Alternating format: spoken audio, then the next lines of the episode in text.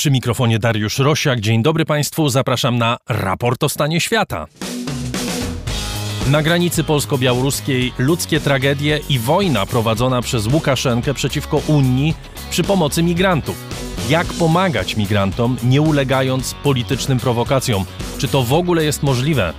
Jak powinna reagować Polska i Unia Europejska w obliczu rosnącej liczby uchodźców przerzucanych przez Łukaszenkę na wschodnią granicę wspólnoty? We Francji wielkie przetasowanie przedwyborcze. Czy Eric Zemmour okaże się czarnym koniem wyścigu, którego finał nastąpi w kwietniu przyszłego roku? Angielski klub piłkarski Newcastle United zakupiony przez konsorcjum, które w istocie reprezentuje władze Arabii Saudyjskiej przy aplauzie kibiców. Czy we współczesnym futbolu wszystko jest na sprzedaż? Węgierska opozycja ma wspólnego lidera w wiosennych wyborach parlamentarnych. Pewności pokonania Viktora Orbana nie ma, ale ten ruch zwiększa szanse odsunięcia od władzy człowieka, który od kilkunastu lat dominuje w węgierskiej polityce. Norwegia nie zaprzestanie wydobycia i przetwarzania paliw kopalnych, a równocześnie chce być liderem walki ze zmianami klimatu. Szczyt hipokryzji czy realny plan? A także dźwięki miasta, przed którymi nie da się uciec. O tym w raporcie o stanie świata 23 października 2021 roku. Raport o stanie świata to program wspierany przez słuchaczy, istniejący dzięki słuchaczom. Za wszystkie wpłaty, niezależnie od ich wysokości, z serca Państwu dziękuję. A jeśli ktoś z Państwa chciałby zostać patronem raportu, zapraszam na mój profil w serwisie patronite.pl. Za jego pośrednictwem najłatwiej nas wesprzeć. Przypominam adres naszej strony raportostanieświata.pl. Przypominam nasz adres mailowy raportrosiaka.gmail.com. A przede wszystkim zachęcam Państwa do słuchania naszych wszystkich programów. Nasz nowy serial podcastowy Raport z przyszłości trwa. We wtorek kolejny, czwarty już odcinek. Zachęcam do słuchania w imieniu swoim i prowadzącej Agaty Kasprolewicz. Adrian Bąk jest dziś wydawcą, Filip Marcinkowski program realizuje. Jesteśmy w studio Efektura w Warszawie i zaczynamy. Can you see strength in my eyes? I used to sleep through the night. Then hurricane, there were no lights, no sirens, just guns. It was violent and we had to run or die. I'm running. I'm running.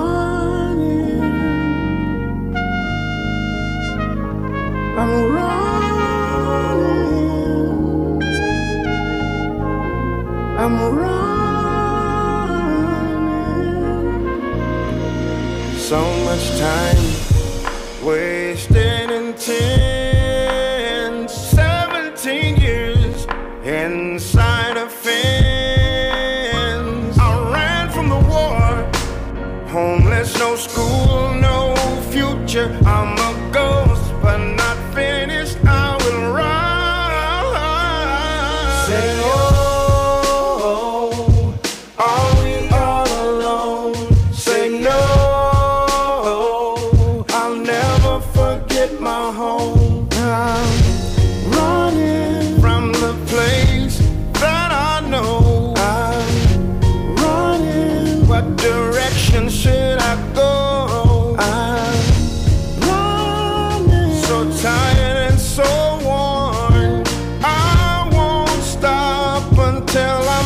and strong.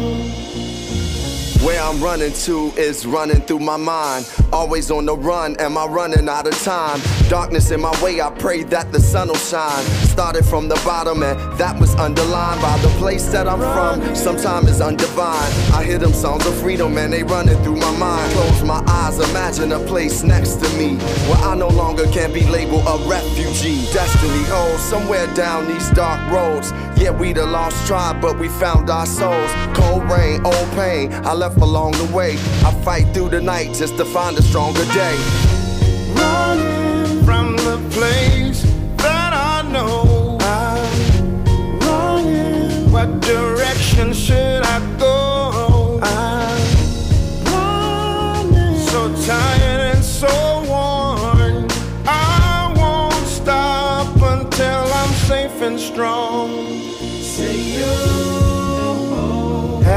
Flee the place you love.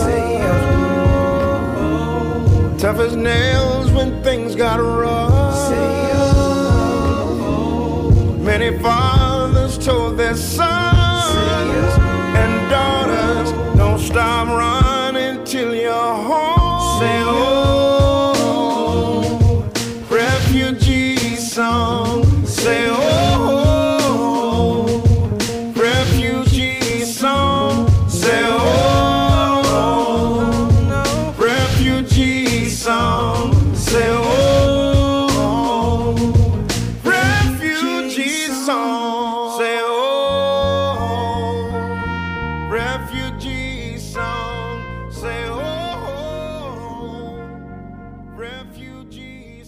Gregory Porter w piosence o uchodźcach na początek raportu o stanie świata. I o tym temacie porozmawiamy w tej chwili. Już co najmniej 8 osób zmarło na granicy polsko-białoruskiej, próbując przedostać się na teren Unii Europejskiej. Trwa prowadzony przez władze Białorusi proceder sprowadzania potencjalnych migrantów i przewożenia ich na granicę. Trwa również stan wyjątkowy w polskich regionach nadgranicznych. I wreszcie, co najważniejsze, ciągle trwa tragedia setek ludzi, którzy znajdują się między polskimi a białoruskimi funkcjonariuszami Straży Granicznej. Jest z nami profesor Maciej Duszczyk z Ośrodka Badań nad Migracjami Uniwersytetu Warszawskiego. Witam pana, dzień dobry. Dzień dobry. Sytuacja z dnia na dzień, z tygodnia na tydzień staje się coraz bardziej dramatyczna. Czasami mniej o tym słychać w mediach, czasami więcej, ale generalnie niewiele się zmienia.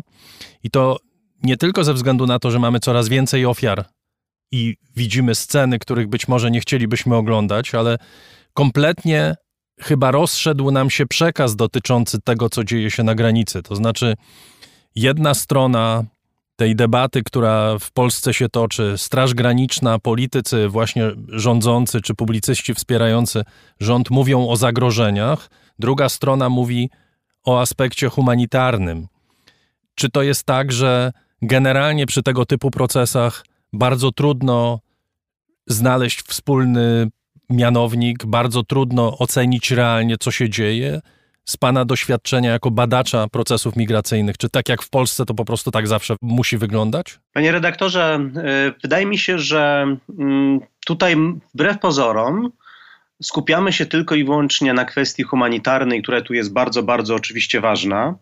Natomiast jeżeli zobaczymy sobie przekaz ym, tych stron, które biorą udział w tej dyskusji, to w kilku punktach moim zdaniem zgoda jest prawie stuprocentowa. Ponieważ nikt nie kwestionuje tego, że granica e, nasza wschodnia, ale również wschodnia granica Unii Europejskiej powinna być szczelna na tyle, żeby nie było możliwości jej nielegalnego przekraczania, a następnie tak naprawdę mm, pewnego rodzaju przemieszczania się przez terytorium Polski e, na terytorium innego państwa członkowskiego, które są Niemcy. Oczywiście część z tych osób pozostaje w Polsce, natomiast większość z nich rzeczywiście, tak jak deklaruje, chciałaby się przedostać nie e, do Polski, tylko przez Polskę do Niemiec. I teraz, jeżeli e, w taki sposób postrzegamy granicę, która powinna być szczelna i postrzegamy ten proces, który przed chwileczką opisałem, jako coś negatywnego, to wydaje mi się, że wszystkie strony tego sporu są zdolne, że to jest sytuacja, która jest sytuacją negatywną i musi być powstrzymana. To jest pierwsza rzecz. Druga rzecz, która wydaje mi się również kluczowa, to to, że mamy do czynienia z bezprecedensowym atakiem e, politycznym na, na Unię Europejską, na Polskę i Unię Europejską przez reżim Łukaszenki, który jednak co tu dużo mówić, możemy sobie to domniemywać prawie z pewnością, jest jakoś tam stymulowany przez, przez Władimira Putina i rządzącą na Kremlu dzisiaj grupę osób.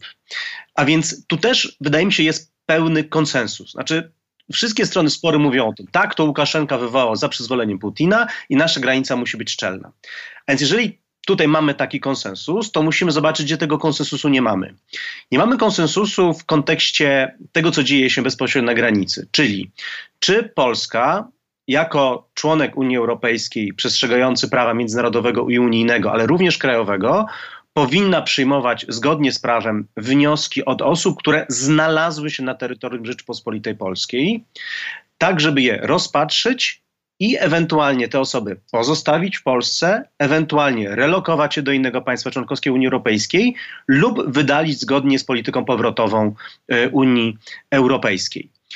I druga kwestia, której, której mamy do czynienia spór, to jest kwestia, kto, na ile możemy prowadzić kontrolę społeczną tego, co dzieje się na granicy. A więc tutaj mi chodzi o dostęp e, organizacji humanitarnych, organizacji społecznych, też takich ad hoc powoływanych, jak Grupa Granica, jak również granicy, medycy na granicy, ale również dziennikarzy. A więc tutaj mamy tak naprawdę mamy dwa takie główne punkty sporu i dwa główne punkty, kiedy jest ten konsensus. A więc tak możemy chyba na ten moment opisać to, z czym mamy do czynienia i w jaki sposób media na to reagują. Do tego jeszcze trzeba by było rzeczywiście dodać bardzo emocjonalny niekiedy przekaz płynący z mediów i koncentrujący się, no tak są skonstruowane media, że w momencie, kiedy osoba umiera w lesie albo kiedy ludzie są źle traktowani, to kamera to rejestruje i to jest przekazywane dalej. Z tego rodzi się obraz sytuacji, która na granicy istnieje, bez względu na to, czy to są duże liczby, czy nie duże liczby, bo nawet śmierć jednego migranta będzie wielką tragedią i to zostanie naświetlone przez media. Ale dobrze, ja bym się na tej pierwszej spornej kwestii, o której pan mówił, yy, skoncentrował przez moment. Co by takiego się stało, gdyby Polska przyjęła wszystkich, którzy chcą przejść przez granicę i przeszli przez tą granicę, skierowałaby ich do ośrodków?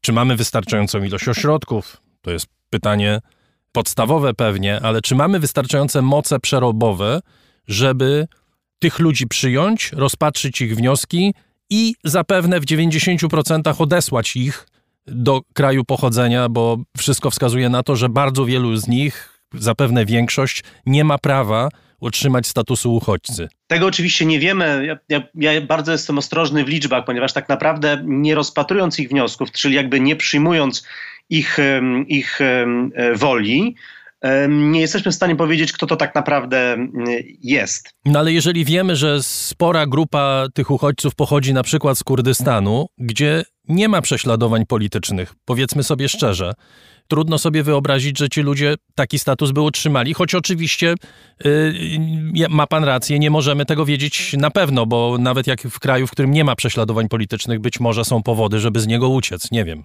Panie redaktorze, ja podam taki przykład może z poprzedniego roku. Otóż yy, w poprzednim roku, wtedy kiedy mieliśmy do czynienia też z eskalacją trochę problemów, to jeszcze dwa lata temu, przepraszam, to dwa lata temu, kiedy mieliśmy z eskalacją wojsk rosyjskich, które atakowały Ukrainę, to mieliśmy do czynienia z wnioskami o status uchodźcy Ukraińców. Większość nie dostawała, ale część dostała. Mhm. A więc e, w pewnej procedurze uznano, że te osoby, e, ich, ich funkcjonowanie na terytorium Ukrainy może być związane z jakimiś elementami negatywnymi, związane z ich życiem, poglądami itd., tak itd. Tak I te osoby nie uzyskały statusu uchodźcy, to racja, ale jakieś formy ochrony międzynarodowej otrzymały. A więc ja jestem bardzo ostrożny w mówieniu o tym, czy dana osoba ma prawo, czy nie ma prawa. Ja się z panem zgadzam co do zasady, że mamy przedstawicieli państw, których, nie, których prawdopodobnie są na tyle dzisiaj te warunki bezpieczne, że większość z nich chyba nie otrzymałoby statusu uchodźcy.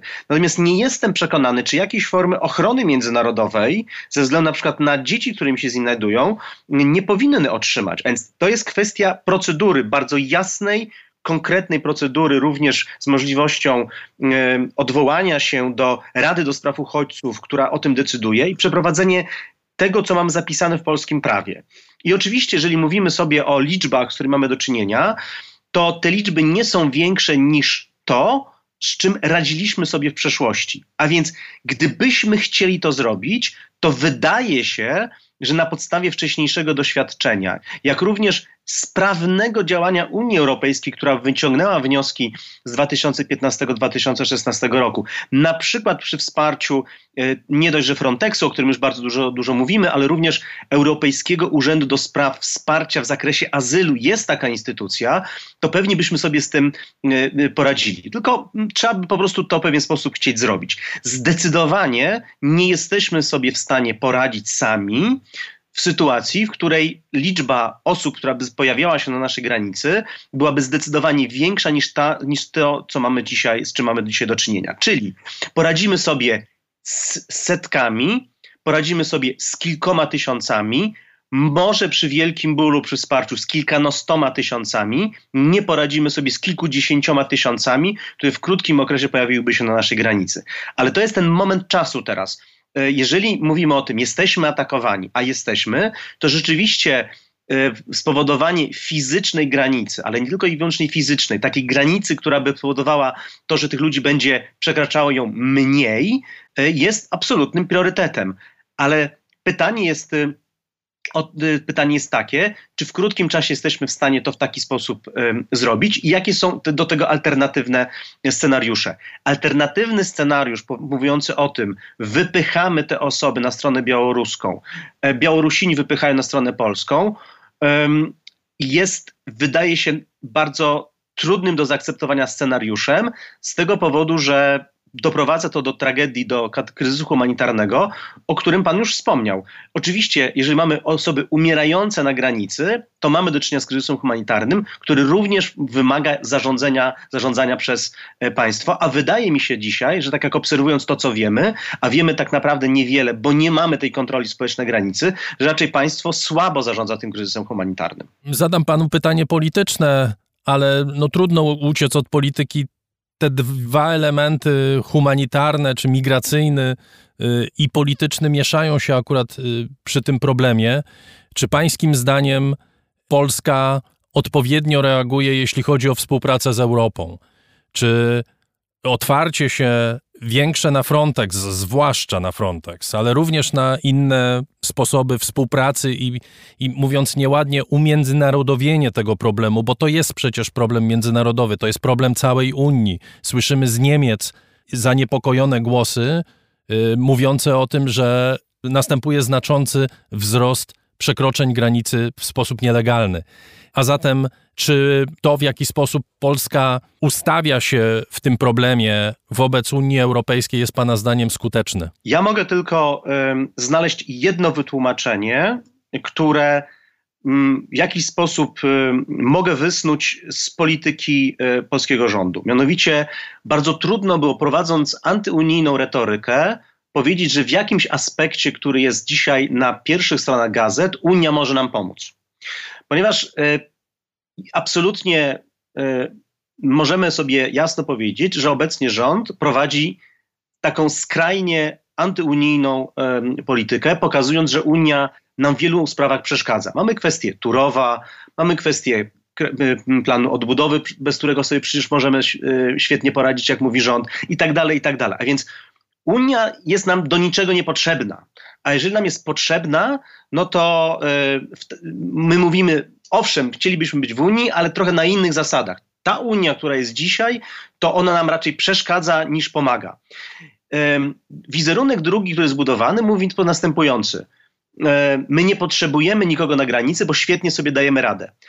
Ale w tym samym czasie argumenty, jakby fakty przeczą temu, ponieważ jeżeli mamy kilka tysięcy osób, które przeszło przez granicę, przemytnicy, przemytnicy ich odebrali w jakichś ciężarówkach, w jakichś różnych miejscach, przywieźli ich do Niemiec, to wiemy o tym, że państwo sobie nie radzi. Jeżeli umierają osoby na granicy, państwo sobie nie radzi. Jeżeli mamy do czynienia um, z kryzysem humanitarnym, nie tylko i wyłącznie ze śmiercią, ale również takim no, bardzo negatywnym traktowaniem ludzi, o czym na przykład y, donoszą lekarze na granicy, to państwo sobie nie radzi. A więc jeżeli państwo sobie nie radzi, a ma możliwość skorzystania ze wsparcia naszych, bo to nie są obce, to są nasze instytucje, w których również są polscy przedstawiciele, to dlaczego tego nie zrobić? Tylko i wyłącznie ten argument, ponieważ nie można pokazać, że Unia Europejska może być bardziej sprawna w niektórych, e, niektórych e, działaniach, jak rząd polski, jak Polska jako, jak, jako taka. A więc oczywistością jest, że powinniśmy natychmiast to zeuropeizować z tego powodu, że otrzymalibyśmy realne wsparcie wszystkie państwa, które do tej pory mierzyły się z kryzysami migracyjnymi, jeżeli byśmy nas nawet uznali, że jest to kryzys migracyjny, ale te państwa, które się mierzyły z kryzysem migracyjnym, poprosiły, prosiły zawsze o pomoc.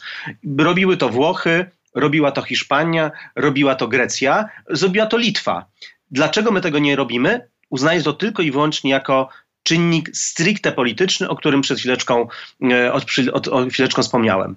Mamy do czynienia z, z europejską polityką migracyjną, która ma instrumenty, ma środki, jest przygotowana na to, żeby z takimi kryzysami sobie w jakiś sposób radzić. Ja nie mówię, że bardzo dobrze, bo z taką sytuacją niezmiernie trudno powiedzieć sobie, świetnie sobie poradziliśmy. Nie, ale na pewno lepiej niż z tym, czym mamy do czynienia.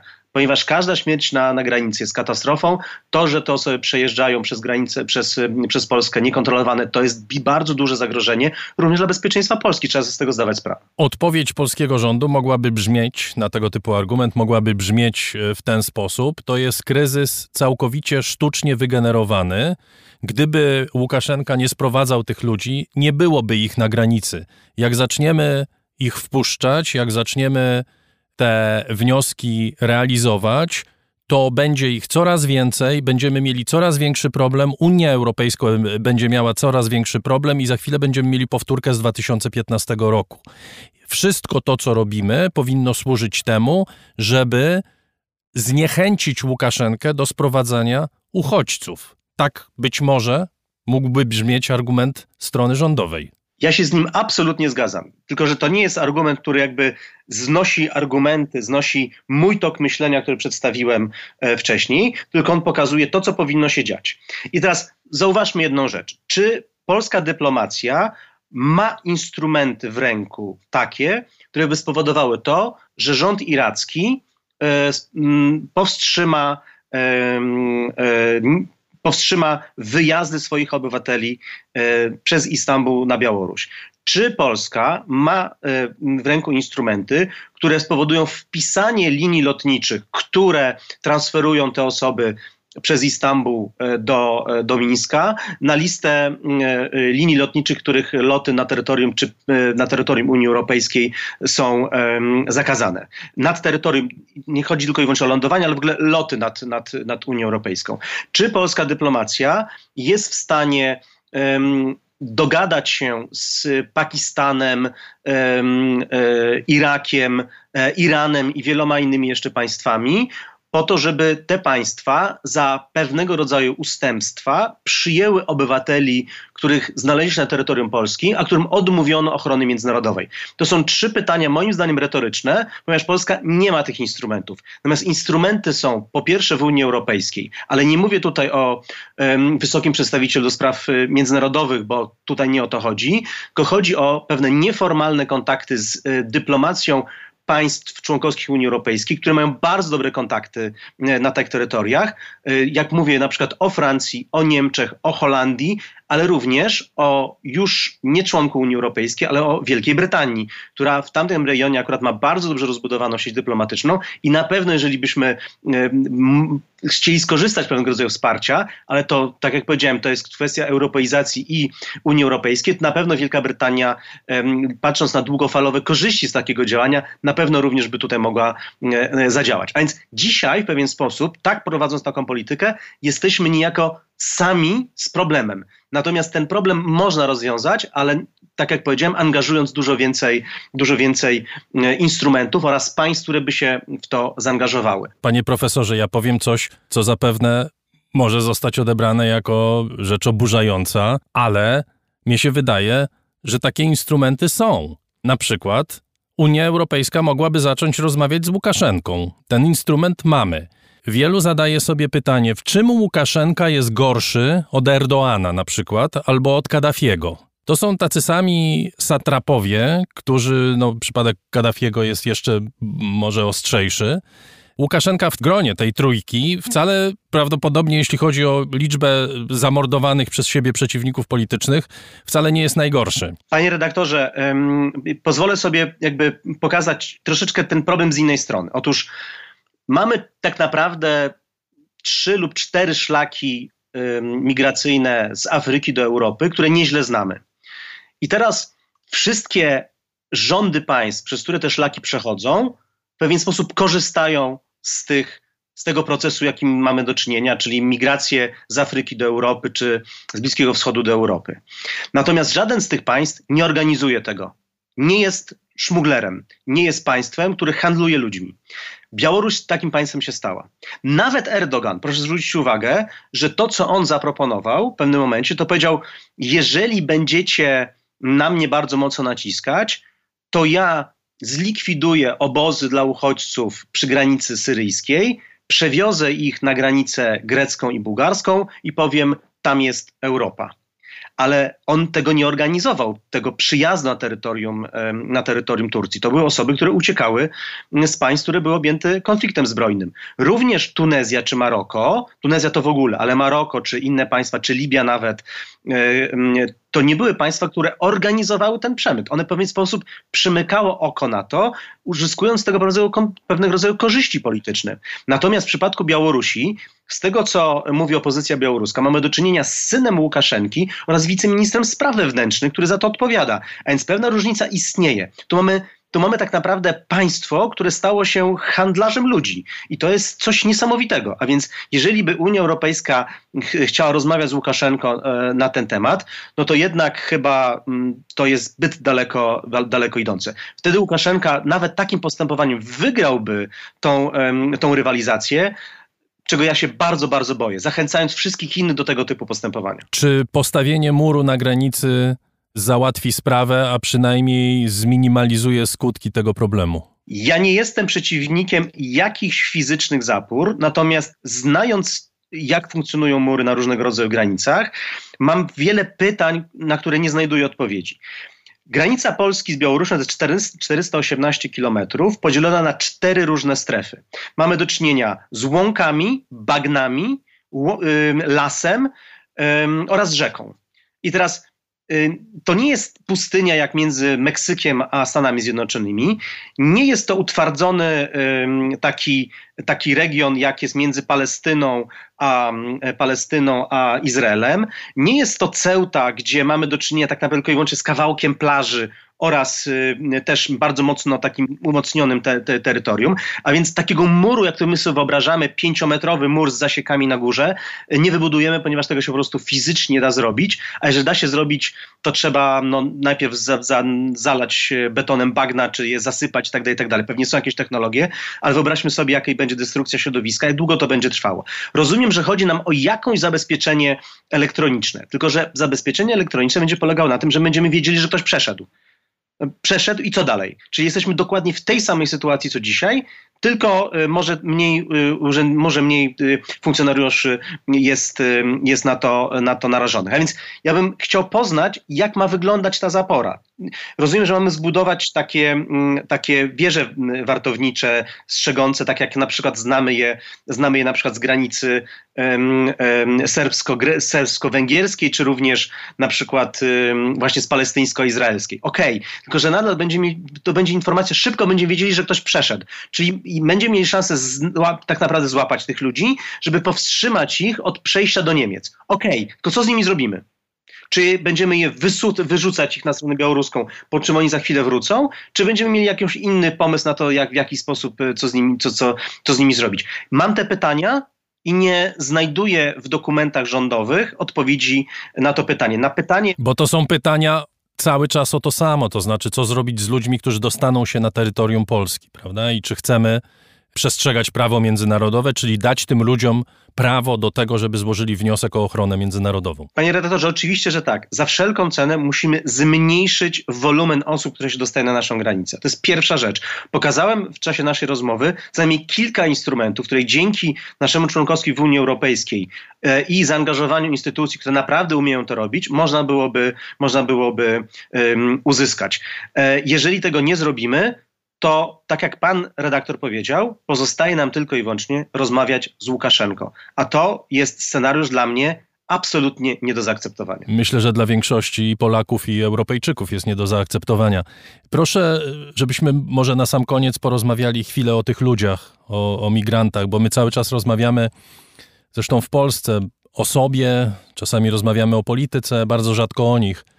Jakie z całym tym procesem, z całą podróżą na granicę polską, jakie wiążą się zagrożenia dla uchodźców? Ci ludzie przecież trafiają w pewien proces, który jest przepojony przemocą, wykorzystywaniem, związany z przemytem ludzi, mają kontakt z ludźmi, którzy ich po prostu wykorzystują w sposób okrutny i bezkompromisowy. Panie redaktorze, ym, trzeba porozmawiać z tymi osobami. Znaczy, ktoś, kto nigdy nie rozmawiał z uchodźcą, który jest po takich tego przejścia, który wystartował z Gany, y, czyli z rok tak naprawdę no, kilka tysięcy kilometrów od Morza Śródziemnego, i po kilku tygodniach dociera tego Morza Śródziemnego, później w jakiś sposób dostaje się do, e, do Europy, z jakimiś swoimi aspiracjami, jakimiś intencjami, co on chce, co on chce zrobić.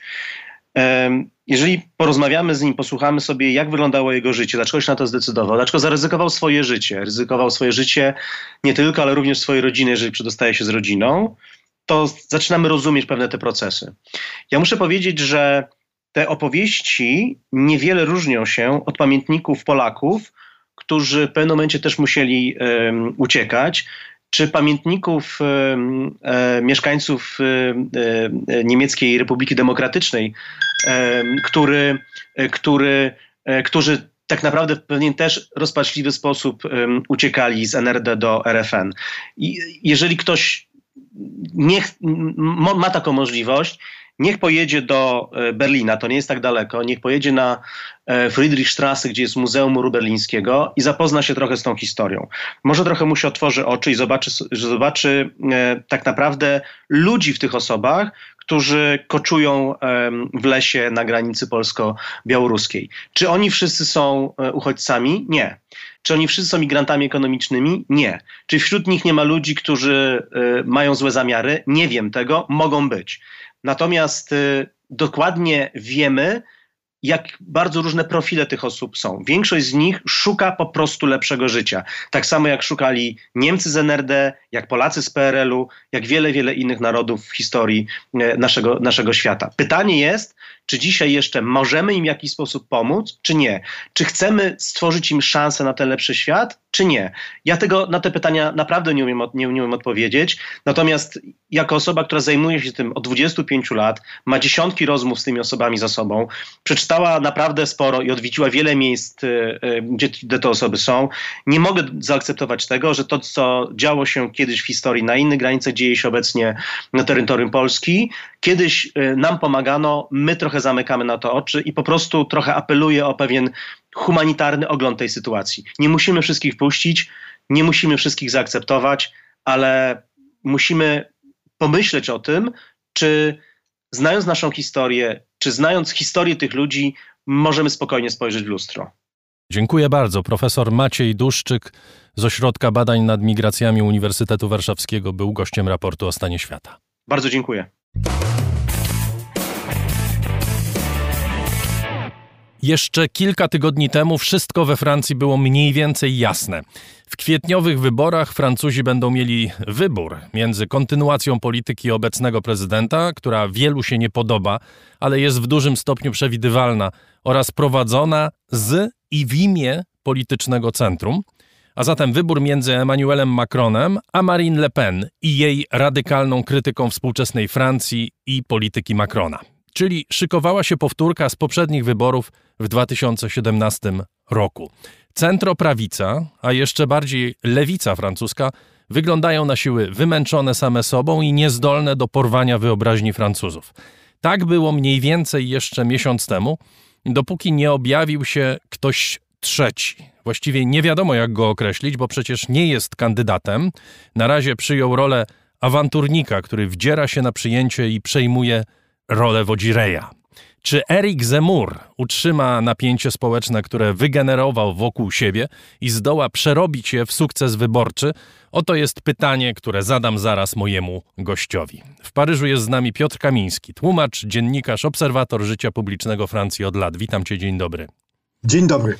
Jednak nie zadam ci tego pytania, bo ani ty, ani ja, ani nikt nie zna na nie odpowiedzi, czy przerobi to w sukces, czy nie przerobi, ale Na pewno chciałbym, żebyśmy się zastanowili, skąd się wziął fenomen pana Zemura. Fenomen, który chyba wykracza znacznie poza politykę, a może nawet poza Francję. Kim jest ten człowiek? No ten człowiek jest, jakby to powiedzieć, występuje w zastępstwie prawdziwych polityków. Y, mnie się zdaje, że to zresztą nie dotyczy tylko Francji, prawda? Jak się, jak się rozejrzeć, tak. to jest pewne znużenie klasą polityczną, kastą polityczną, tą kadrą, która rządzi w demokracjach od wielu, y, wielu lat. Y, no nie przypadkiem pojawili się w, w tych, wśród tych kandydatów, a nawet czasami wygrywali wybory w jakimś stopniu, ludzie całkowicie całkowicie spoza tego y, haremu, spoza tego, mm, tej stajni politycznej y, i we Włoszech, i ostatnio na Ukrainie, i w końcu Donald Trump też to nie był jednak polityk y, z tego, z tego towarzystwa. Ktoś, który wpadł i jak powiedziałeś, no, wdarł się na przyjęcie i w tej chwili zachowuje się w sposób całkowicie nie, nieprzyjęty w tych środowiskach i w tych Y, w tych sytuacjach. Do tego jeszcze mm, on, y, Rick Zemmour, y, płynie na takiej fali, którą zrodziło, zrodziła epidemia. E, to znaczy, jesteśmy w ogóle w jakimś takim stanie wyjątkowym, w, w, w, sensie nie tylko dosłownym i prawnym, ale przede wszystkim metaforycznym. To znaczy, świat po prostu wisi w powietrzu i jeszcze ciągle nie wie, jak spadnie.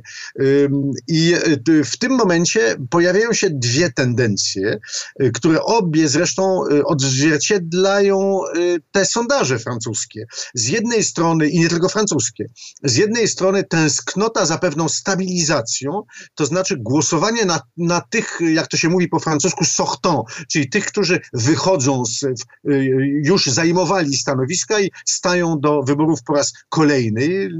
I tego, tego chce Luta. Z drugiej strony właśnie pojawia się takie szaleństwo, marzenie o tym, że przyjdzie ktoś, no przyjdzie jakaś wielka miotła i to wszystko pozamiata.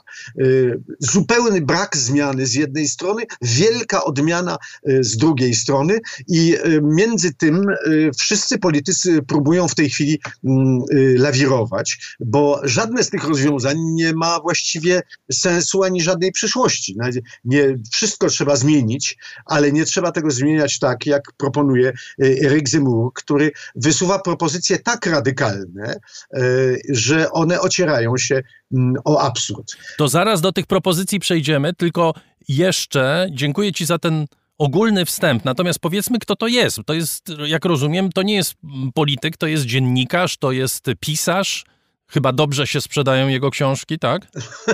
No to jest bardzo ciekawy temat. To jest dziennikarz, który jest w, w, e, aktywny od, od dziesięcioleci, od bardzo, e, bardzo dawna. E, zawsze wekslował troszeczkę właśnie w tę stronę. Był z tego środowiska, czy z, te, z tej tendencji myślowej, którą określa się we Francji jako skrajną prawicę, to jest ogólnie rzecz biorąc niechęć do nowoczesności w, we wszystkich jej przejawach, tęsknota do takiego powrotu do starych, dobrych czasów, które oczywiście, jak zawsze w tego typu wypadkach, nigdy nie istniały, nigdy nie było coś takiego jak stare, dobre czasy. Yy, on by chciał przywrócić całe mnóstwo różnych rzeczy i poza tym, no to jest mówiąc już bardzo krótko i nawet trochę brutalnie, to jest przecież e, francuskie wydanie trumpowskiego maga, Make America Great Again. Jemu też się e, marzy to, że przywróci Francji wielkość. A na czym to przywrócenie ma polegać? A no właśnie, to jest cały dowcip, bo tak na dobrą sprawę, gdyby wziąć jak w filmie e, fantastycznym, to ten wehikuł czasu, zakręcić torb, korbką, żeby to wszystko wróciło, no to trzeba by właściwie przywrócić kolonię, przywrócić imperium. Byłoby wtedy bardzo ciekawie, ale to jest e, oczywiście zupełny absurd. Ja sądzę, że on sobie z tego świetnie e, zdaje sprawę, ponieważ jak na razie i jak większość ludzi działających w tym, w takiej tendencji myślowej, ma propozycje wyłącznie negatywne. To zawsze jest najłatwiej. Zawsze powiedzieć, należy wystąpić z NATO, należy wystąpić z Unii Europejskiej, należy... On to mówi, tak? Mówi wprost, tak. Ostatnio nawet powiedział rzecz zupełnie zdumiewającą, mianowicie zbyt wiele władzy mają w tej chwili te systemy przeciwwładzy, takie jak wymiar sprawiedliwości, media czy mniejszości, należy im te władze odebrać. Jak on sobie wyobraża odbieranie władzy? No, odbieranie władzy wymiarowi sprawiedliwości to już próbuje się tu i ówdzie, na, próbuje się, prawda, tu i ówdzie na świecie. Odbieranie władzy mediom też mam wrażenie, że to nie jest taki pomysł zupełnie nowy i nie mam pewności, czy on zawsze przynosił te rezultaty takie pozytywne, o których marzy mm, Eric Zemmour. Może tu pewne wyjaśnienie stanowi fakt, y, mm, o czym mało kto dzisiaj we Francji mówi, a właściwie należałoby może o tym mówić troszkę więcej. Kto jest y, dla Erika Zemura y, pewnym wzorem politycznym? No on mówi, że de Gaulle chyba. Nie, o nie, nie, nie. Właśnie de Gaulle to jest takie, takie hasło. De Gaulle to jest się... wzorem dla wszystkich, jak rozumiem. Dla wszystkich. W związku z tym on zupełnie nie ma, nie ma tutaj wyłącz, wyłączności, jeśli chodzi o de Gaulle. Nie. E, był taki wywiad stosunkowo niedawno, a mnóstwo, mnóstwo cytatów, które powolutku zaczynają wychodzić na jaw, w którym w tym wywiadzie on powiedział wprost, kiedy mu zadano takie pytanie, y, czy marzy o francuskim Putinie. I on powiedział, że tak. Owszem, marzy o francuskim Putinie. W jego wypowiedziach właściwie to jest poza De Gaulle'em jedyny współczesny, zwłaszcza jedyny wśród tych działających naprawdę dziś polityków, jedyny, którym zasługuje Ulrika Zemura, Zemura wyłącznie e, na komplementy. No tak, on mówił kilkakrotnie, że Putin ma prawo e, rządzić e, Rosją, ponieważ ma większość, prawda? E, tak, znaczy to, jakie tu są konkrety, to, to jest dość mało, mało istotne. Najistotniejsze jest, mnie się zdaje, takie zdanie, które padło w kilku jego wypowiedziach na ten temat. Putin jest obrońcą cywilizacji chrześcijańskiej. On tak to sobie wyobraża. Y, nie będziemy tego krytykować, bo to jest takie, on, to są jego słowa, więc nie, co za tym się kryje? No prawdopodobnie kolosalna zupełnie ignorancja i taka nieświadomość tego, o czym i o kim tak naprawdę mówi. Ale on w wielu wywiadach telewizyjnych, rozmowach, dyskusjach, na przykład w takich pogadankach historycznych, który miał, które miał, y, których miał wiele na jednej ze stacji telewizyjnych, w tej chwili odszedł stamtąd, ale to jest troszkę inny, inny temat, y, kiedy porusza poruszał kwestie XX wieku, II wojny światowej i tak dalej, y, jakoś bardzo w uderzający sposób jego interpretacja tych wydarzeń pokrywa się z interpretacją, którą od wielu lat mm, uprawia, yy, uprawia Rosja. Yy, na przykład tam padło zdanie, dla moim zdaniem no niezwykle charakterystyczne, w którym powiedział, że to Polska wywołała II wojnę światową, ponieważ pod naciskiem Brytyjczyków y, odrzuciła wszystkie bardzo rozsądne y, propozycje propozycję kanclerza, y, kanclerza Hitlera. W tym zdaniu y, jest jedna, jedna tajemnica, która jest jeszcze y, chyba istotna, mianowicie kogo Zemur kocha, to już wiemy. Kogo Zemur nienawidzi? Anglosasów.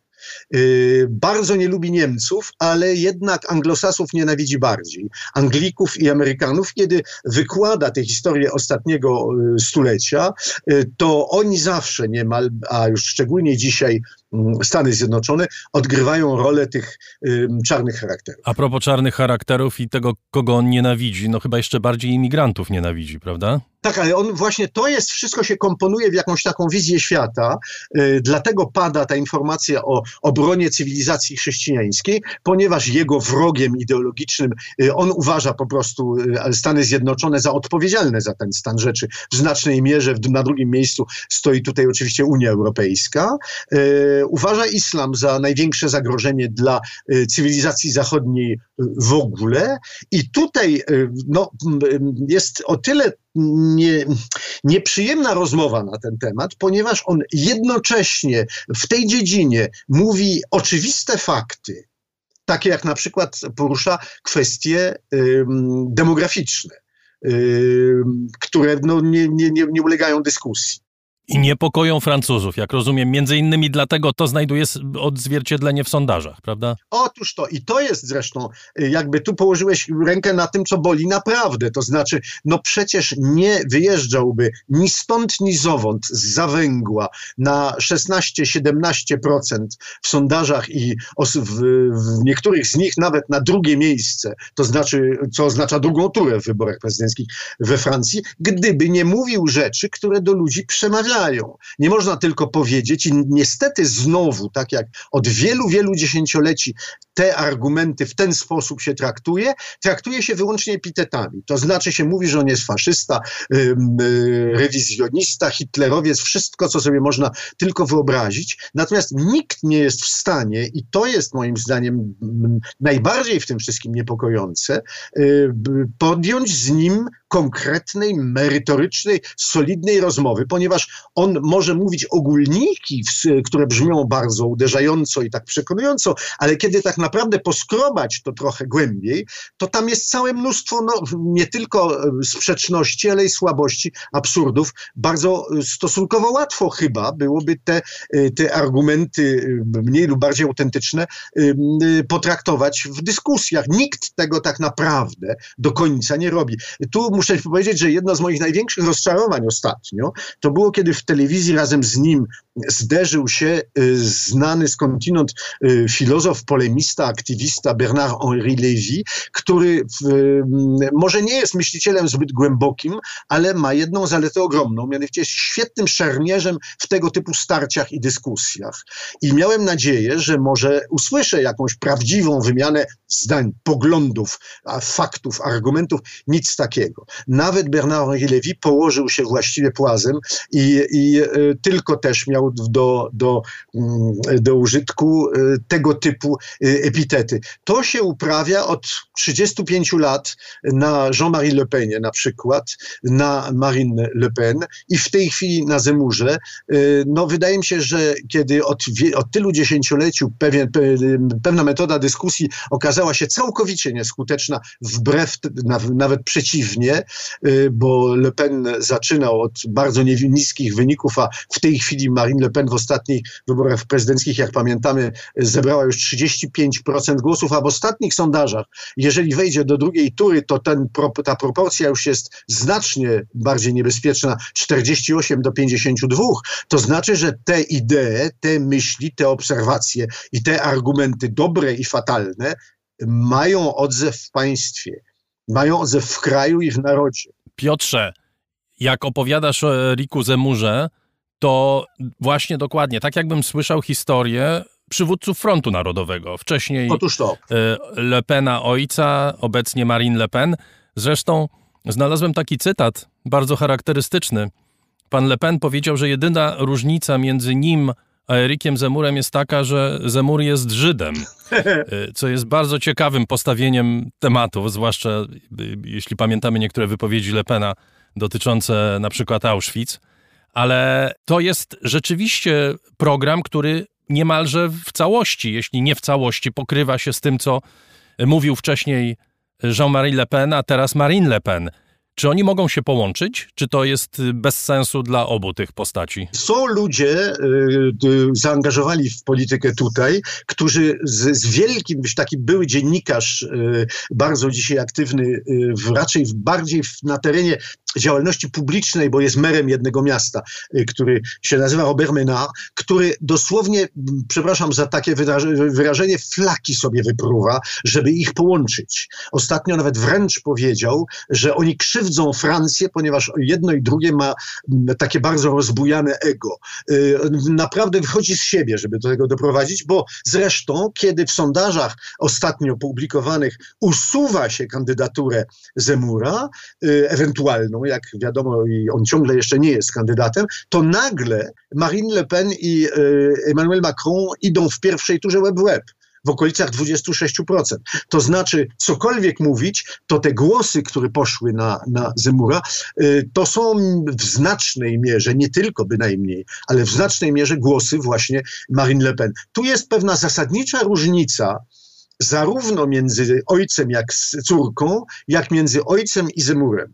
Y, ojciec mia, miał jedną cechę niezwykle zabawną w tym kontekście, która zresztą wyszła na jaw w roku 2002, kiedy on gdzieś w jakimś wywiadzie, kiedy wszedł do drugiej tury, jak wiadomo, yy, powiedział, mianowicie on naprawdę nigdy za żadne pieniądze. Nie chciał zostać prezydentem republiki. On nie chciał władzy. On chciał tylko, żeby ro, narozrabiać, żeby budzić ludzi, wstrząsać ludźmi, budzić skandale. Te wypowiedzi, o których mówisz, były zawsze bardzo zręcznie, niezmiernie chytrze mm, sformułowane tak, żeby zawsze można było się wybronić jakoś z pewnych, z pewnych stanowisk. On tego nie chciał. Ona, żeby zostać prezydentem, prezydentką, yy, w znacznej mierze mm, zmieniła, złagodziła, zaokrągliła swój program. Musiała, tak jak zresztą ojciec, ojcu się to bardzo nie podoba, yy, jednak przesunąć się troszeczkę w stronę centrum, bo tylko w centrum, jak wiadomo, wygrywa się wybory.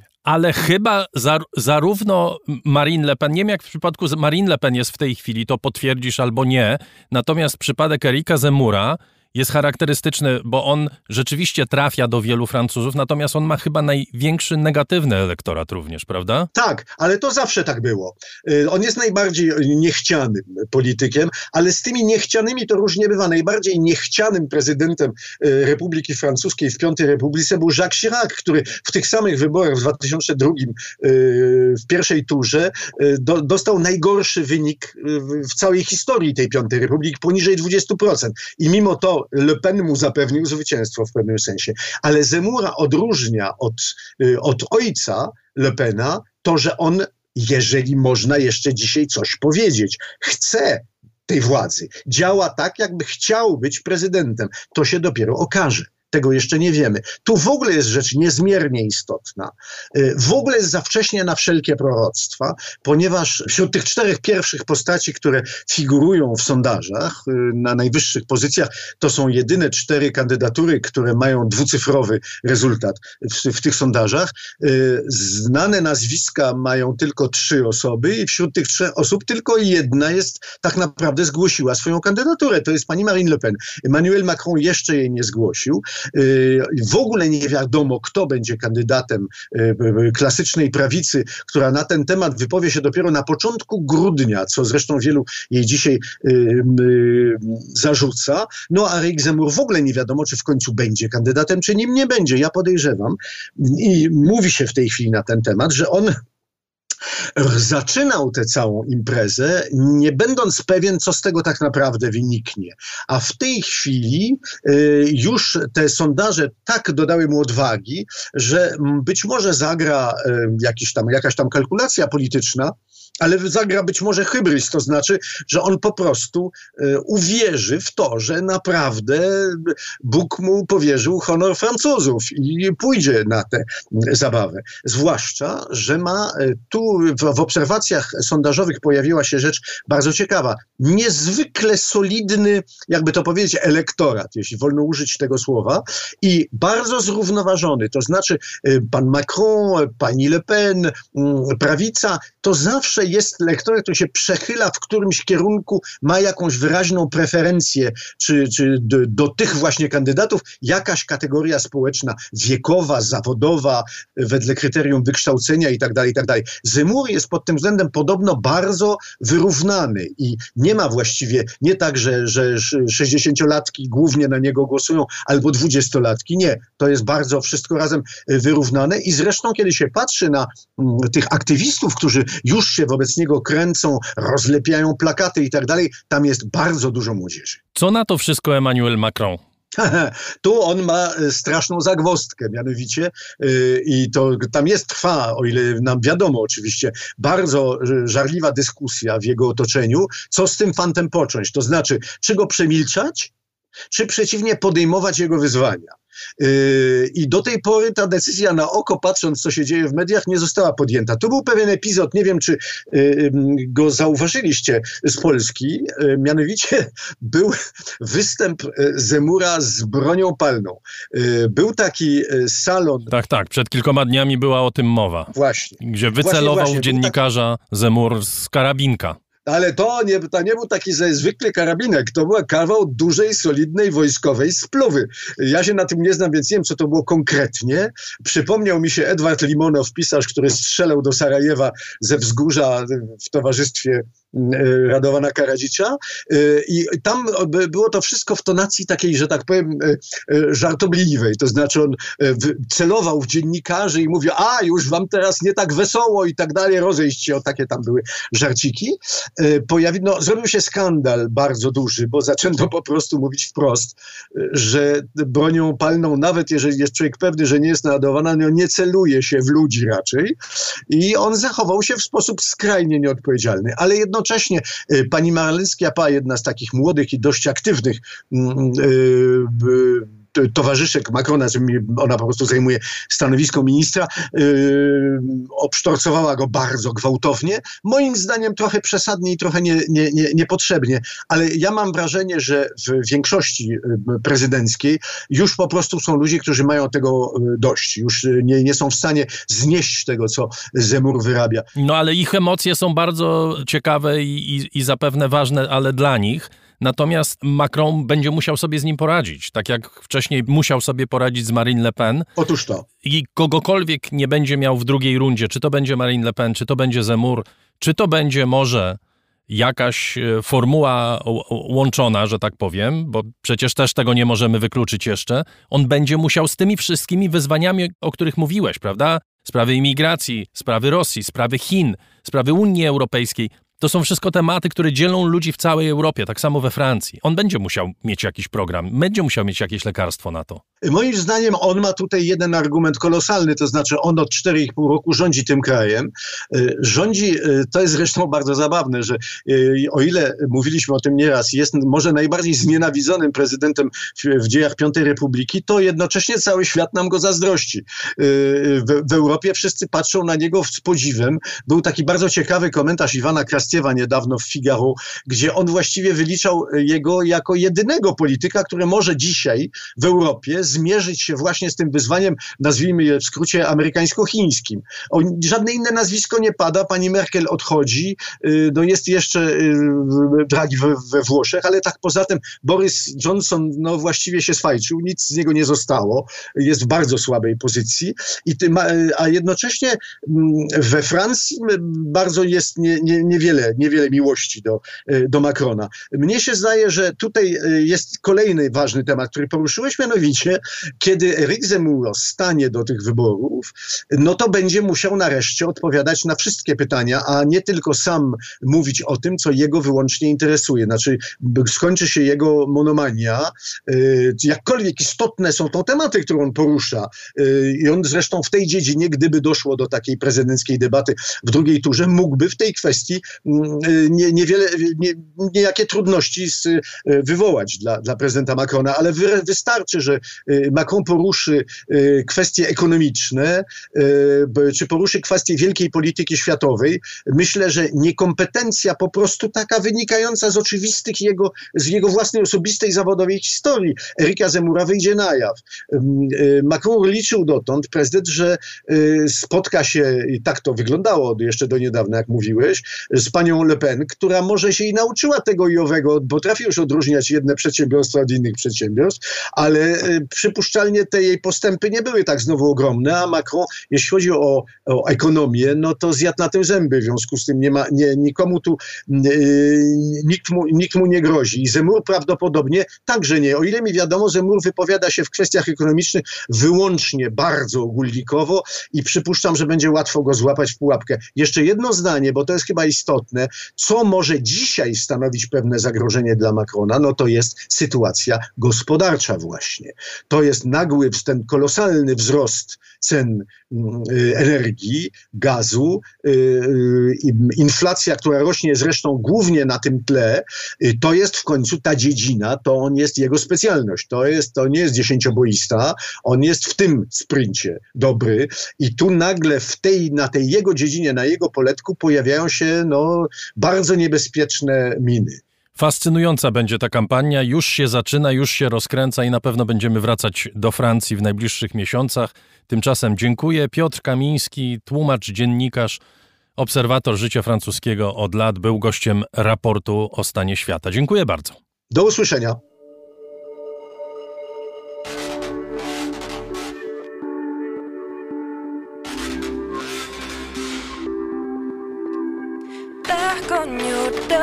Sen muppidda kuin lääkää Nämastahkaa Attunaasas Pokti muu ite nufahkaa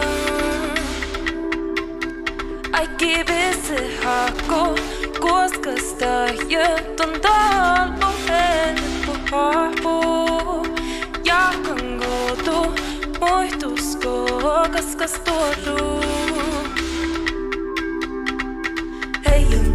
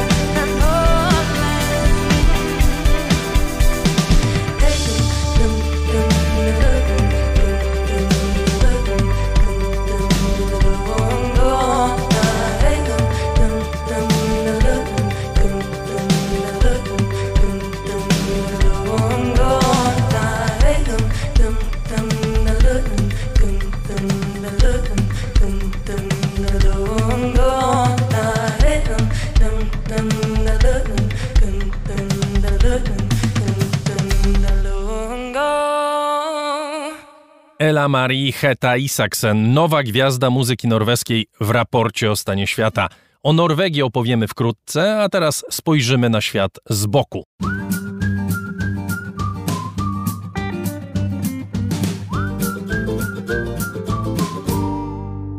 Grzegorz Dobiecki, nasz czujny, boczny obserwator, dziś zmienia się w podsłuchiwacza i opowie o dźwiękach, które nas otaczają i których nie da się usunąć.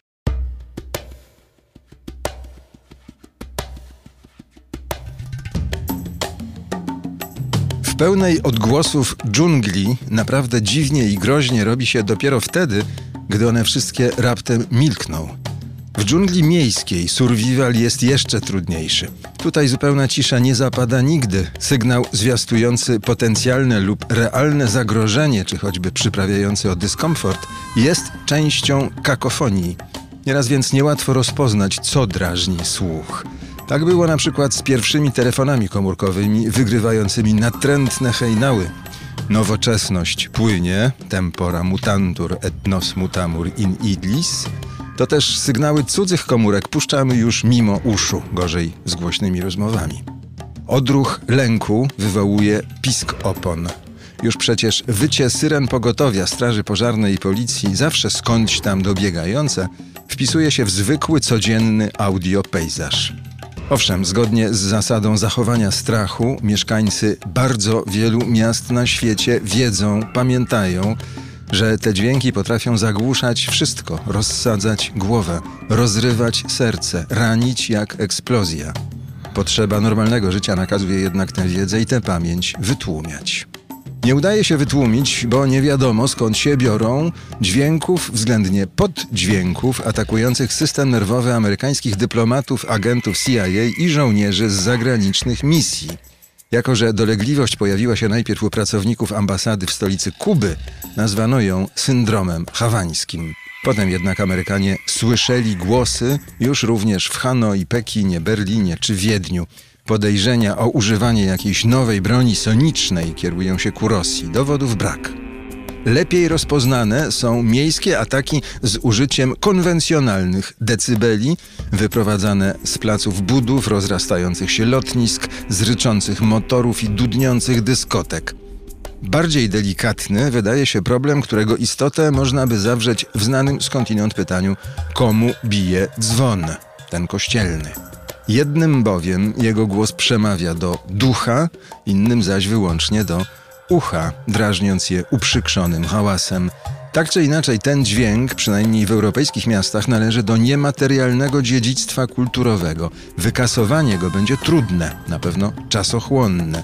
Chyba, że proces ulegnie przyspieszeniu za sprawą swoistej konfrontacji sygnałów wysyłanych ze świątyń dwóch różnych wyznań. Być może i w tym przypadku zadziała prawo Kopernika Greszama, ciekawe tylko w którą stronę.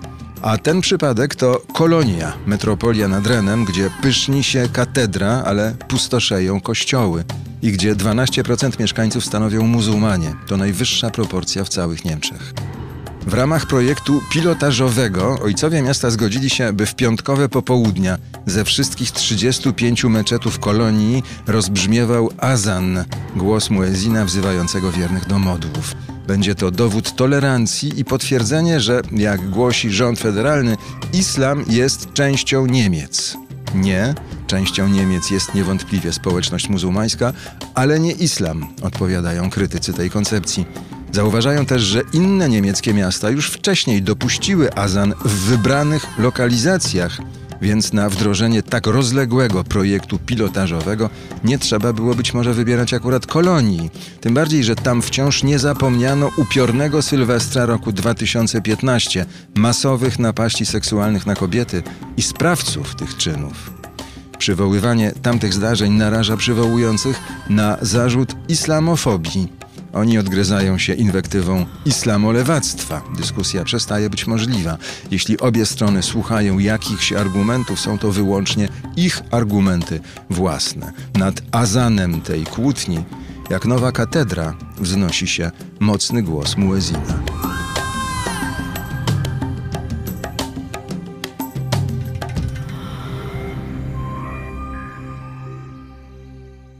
Teraz chwila w raporcie na podziękowania dla wszystkich Państwa za to, że jesteście, za to, że nas wspieracie, za to, że w nas wierzycie, za to, że nas słuchacie, za to, że jesteście.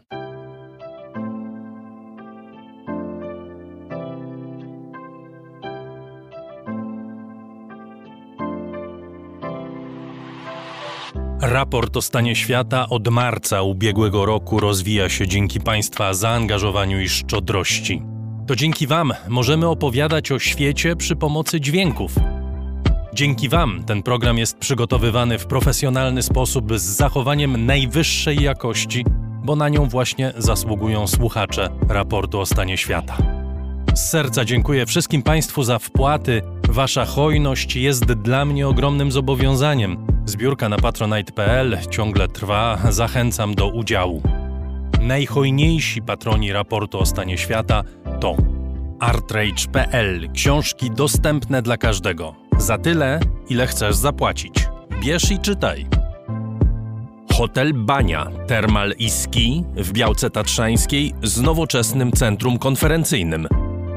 Firma doradcza Crido. Handyhand.pl Zapewnimy nadzór nad Twoją budową, sprawdzimy stan techniczny lokalu i odbierzemy go od dewelopera. Kantory Kanga sieć stacjonarnych kantorów kryptowalutowych w Twoim mieście. Razem w przyszłość. Polsko-Japońska Akademia Technik Komputerowych Warszawa, Gdańsk, Bytom.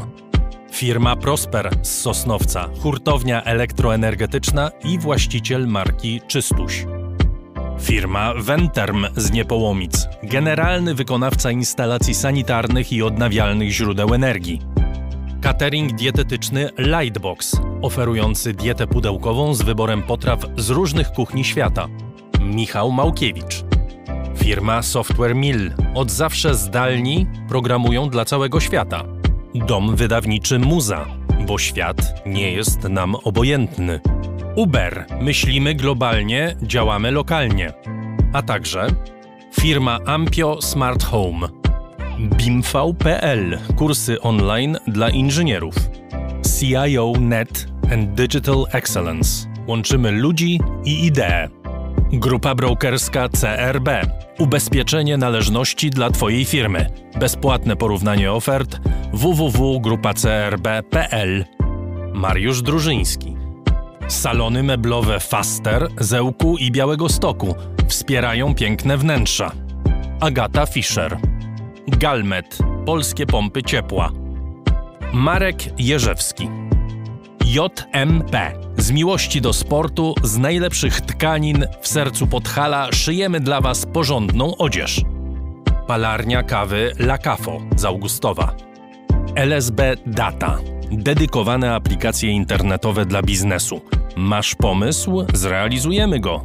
lsbdata.com Gosia i Michał Kowalczewscy. Alan Meller. Aplikacja Moja Gazetka. Polska proekologiczna aplikacja zakupowa z gazetkami promocyjnymi i nie tylko. Moja Gazetka. Kupuj mądrze. Muzeum Kinematografii w Łodzi, organizator 31. Festiwalu Mediów Człowiek w Zagrożeniu. Paweł Nowy Nowak. Michał Sierakowski, organizator konkursu akademickiego CryptoBrawl www.cryptobrawl.pl Wydawnictwo SQN. Więcej niż książka www.wsqn.pl Drukarnia cyfrowa totem.com.pl Dla nas książka zasługuje na najwyższą jakość. Fundacja Wasowskich, opiekująca się spuścizną Jerzego Wasowskiego i wydawca książek Grzegorza Wasowskiego. Szczegóły na wasowscy.com. Dziękuję bardzo. To dzięki Państwu mamy raport o stanie świata.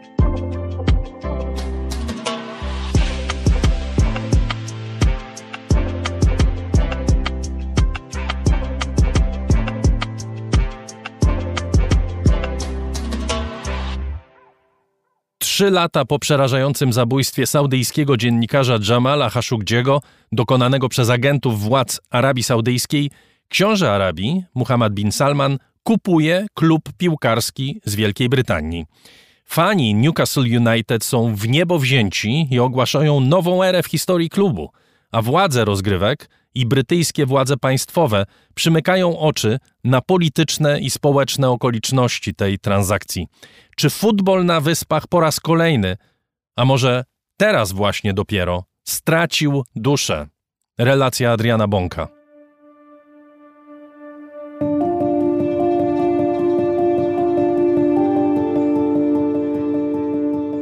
Gdy Merdat Gudossi wychodził z budynku w Newcastle upon Tyne, gdzie toczyły się ostateczne negocjacje, na zewnątrz czekały już na niego chyba wszystkie media związane z miejscowym klubem. Nieco zaskoczony i onieśmielony Gudossi na pytanie dziennikarza, czy się udało, odpowiedział tylko krótkim deal done, załatwione. Wówczas stało się już jasne, że trwająca 18 miesięcy saga związana z przejęciem Newcastle właśnie się kończy. Ale jeśli ktoś by pomyślał, że trwała tak długo ze względu na to, że klub przejmuje mający krew na rękach przywódca Arabii Saudyjskiej, Mohammed bin Salman, jest w błędzie. Poszło o coś zupełnie innego. Ryan Fraser to win it, blocked on the line, Sam Maxima! Alan Sam Maxima has won the game for Newcastle United in the 90th... O prawa telewizyjne. Prawa do transmisji Premier League.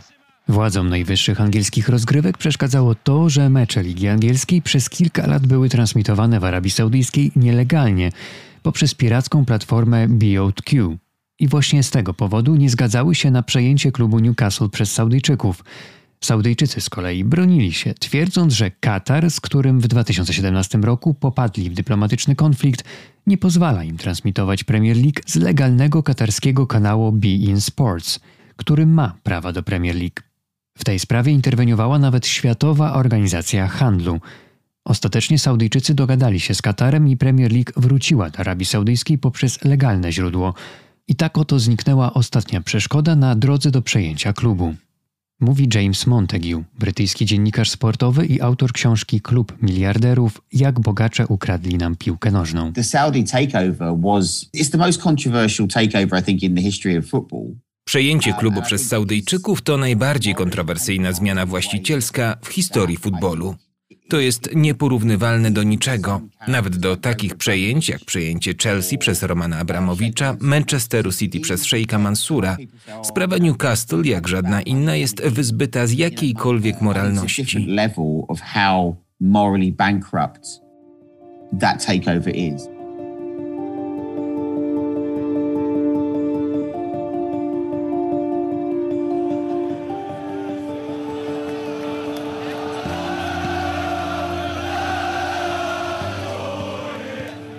W Newcastle zapanowała euforia.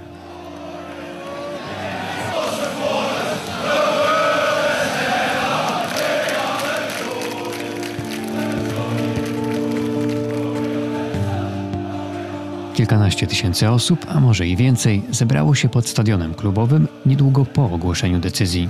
Świętowanie trwało do późnych godzin nocnych.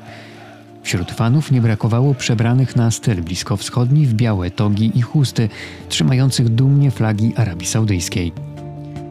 W ten oto sposób książę Muhammad bin Salman, który z zimną krwią eliminuje swoich politycznych przeciwników, a w 2018 roku wysłał do Stambułu grupę najemników, którzy zabili, poćwiartowali i spalili niezależnego dziennikarza Jamala Khashoggiego, stał się faktycznym właścicielem klubu z Wielkiej Brytanii – choć oficjalnie to nie jego twarz pojawia się w kontekście przejęcia klubu. Częściej pada za to nazwa Fundusz Inwestycyjny Arabii Saudyjskiej. Czym jest ten fundusz? Pytam Jamesa Dorsia, byłego wieloletniego dziennikarza zagranicznych mediów na Bliskim Wschodzie i autora książki Burzliwy świat bliskowschodniego futbolu. First of all, Public Investment Fund is as related to the Saudi state as your or my arms are related to our bodies. Fundusz inwestycyjny jest powiązany z władzami Arabii Saudyjskiej na takiej samej zasadzie, jak Twoja czy moja ręka jest powiązana z naszymi ciałami. To jest integralna część państwa. Państwowy Fundusz Majątkowy, na którego czele stoi właśnie książę Muhammad bin Salman. Tak więc, z której strony by nie spojrzeć, fundusz i książę to właściwie jedność. with other words, the, the fund is the Saudi state and the fund is Mohammed bin Salman, no matter how you turn this.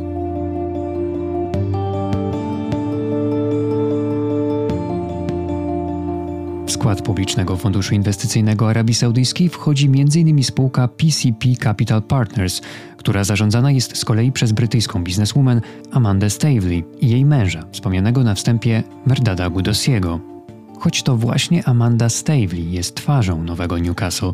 Stavely, która jeszcze w wieku 22 lat zasłynęła Wielkiej Brytanii tym, że odrzuciła zaręczyny księcia Andrzeja. Odrzuciła, bo bała się, że wstąpienie do rodziny królewskiej zablokuje jej drogę do kariery biznesowej. Amanda Stavely zajęła się więc biznesem. rozbudowała sieć restauracji, później weszła na światową giełdę. Gdy poznała pochodzącego z Iranu Merdada Gudosiego, coraz częściej zaczęła robić interesy z firmami z Bliskiego Wschodu. W 2008 roku Stavely pośredniczyła w pomocy brytyjskiemu bankowi Barclays, który wówczas w obliczu światowego kryzysu finansowego ratowali katarscy inwestorzy i tamtejszy fundusz majątkowy – Firma Stavely współpracowała też m.in. z szejkiem Mansurem bin Zayedem Al Nayanem ze Zjednoczonych Emiratów Arabskich, który później stał się właścicielem innego klubu z Premier League Manchesteru City. Zresztą sama Stavely też dwukrotnie w 2018 i 2020 roku starała się wykupić udziały w Manchesterze. Gdy to się jednak nie udało, zwróciła się w kierunku Newcastle, porzucając Katarczyków na rzecz Saudyjczyków.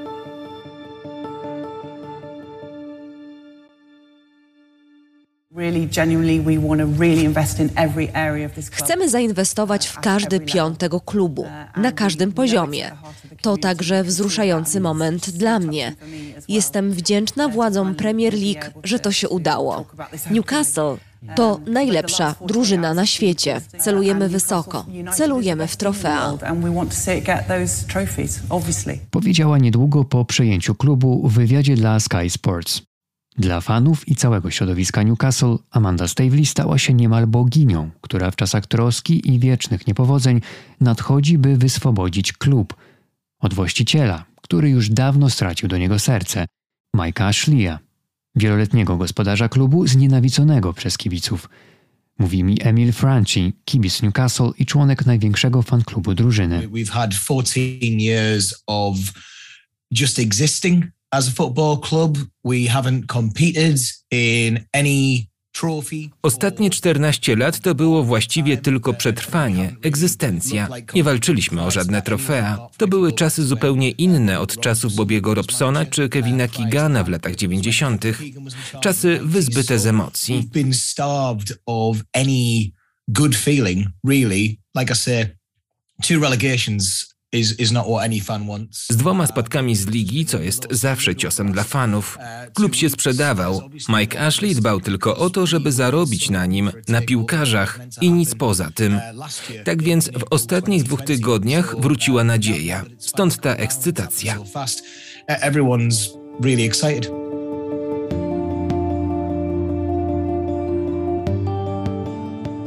Nic więc dziwnego, że wielu fanów Srok, bo tak mówi się na klub z Newcastle, zareagowało z nadzieją. Wielu z nich pewnie o sprawie Jamala Khashoggiego nie słyszało albo nie zna jej głębszego kontekstu. Co więcej, nie musi go znać. Może za to dziwić fakt, że przejęcia klubu nie zablokowały ani władze Premier League, ani co więcej brytyjskie państwo. James Montague twierdzi jednak, że negowanie przejęcia klubu przez Saudyjczyków byłoby władzom Zjednoczonego Królestwa nie na rękę. I mean, in fact, we know that the British state wanted this takeover to take place. We know that, uh, you know, Mohammed bin Salman texted the prime minister Władze wiedzą o tym, że to Saudyjczycy przejmują klub i to akceptują. Książę Muhammad bin Salman kontaktował się z premierem Borisem Johnsonem i groził mu, że jeśli to się nie powiedzie, to Saudyjczycy zrezygnują z inwestycji w innych sektorach gospodarki. A Saudyjczycy są poważnym inwestorem w Wielkiej Brytanii, kupują od niej sprzęt wojskowy i broń, inwestują w mieszkania. Ta sprawa ma szerszy kontekst, bo nie od dziś sprawa współpracy z Muhammadem bin Salmanem i sprzedaż mu broni wywołuje na wyspach kontrowersje, chociażby w kontekście klęski głodu i rozpadu Jemenu.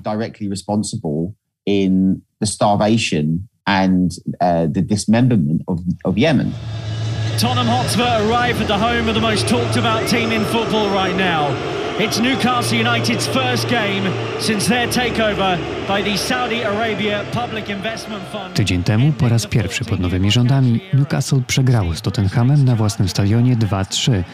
Przed stadionem Srok stanął biały van, na którym widniał przygotowany przez krytyków nowych saudyjskich władz plakat przedstawiający podobizny księcia Bin Salmana i dziennikarza Jamala Khashoggiego z hasłem Zabity 2 października 2018 roku. Banner widział m.in. obecny na meczu Emil Franchi.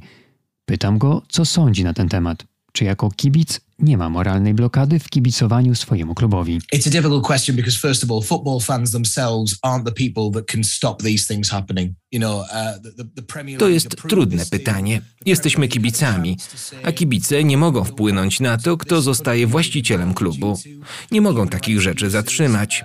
Premier League to zaakceptowała, mimo że władze rozgrywek mogły powiedzieć nie ze względu na sprawę łamania praw człowieka czy choćby śmierć Jamala Khashoggiego. Władze państwowe też nie miały nic przeciwko. It's difficult, really. Um, for me personally, I would love to think that we could have owners that have a completely clean slate, something that we could really be happy with. But unfortunately, football is is far removed now from just a fans game.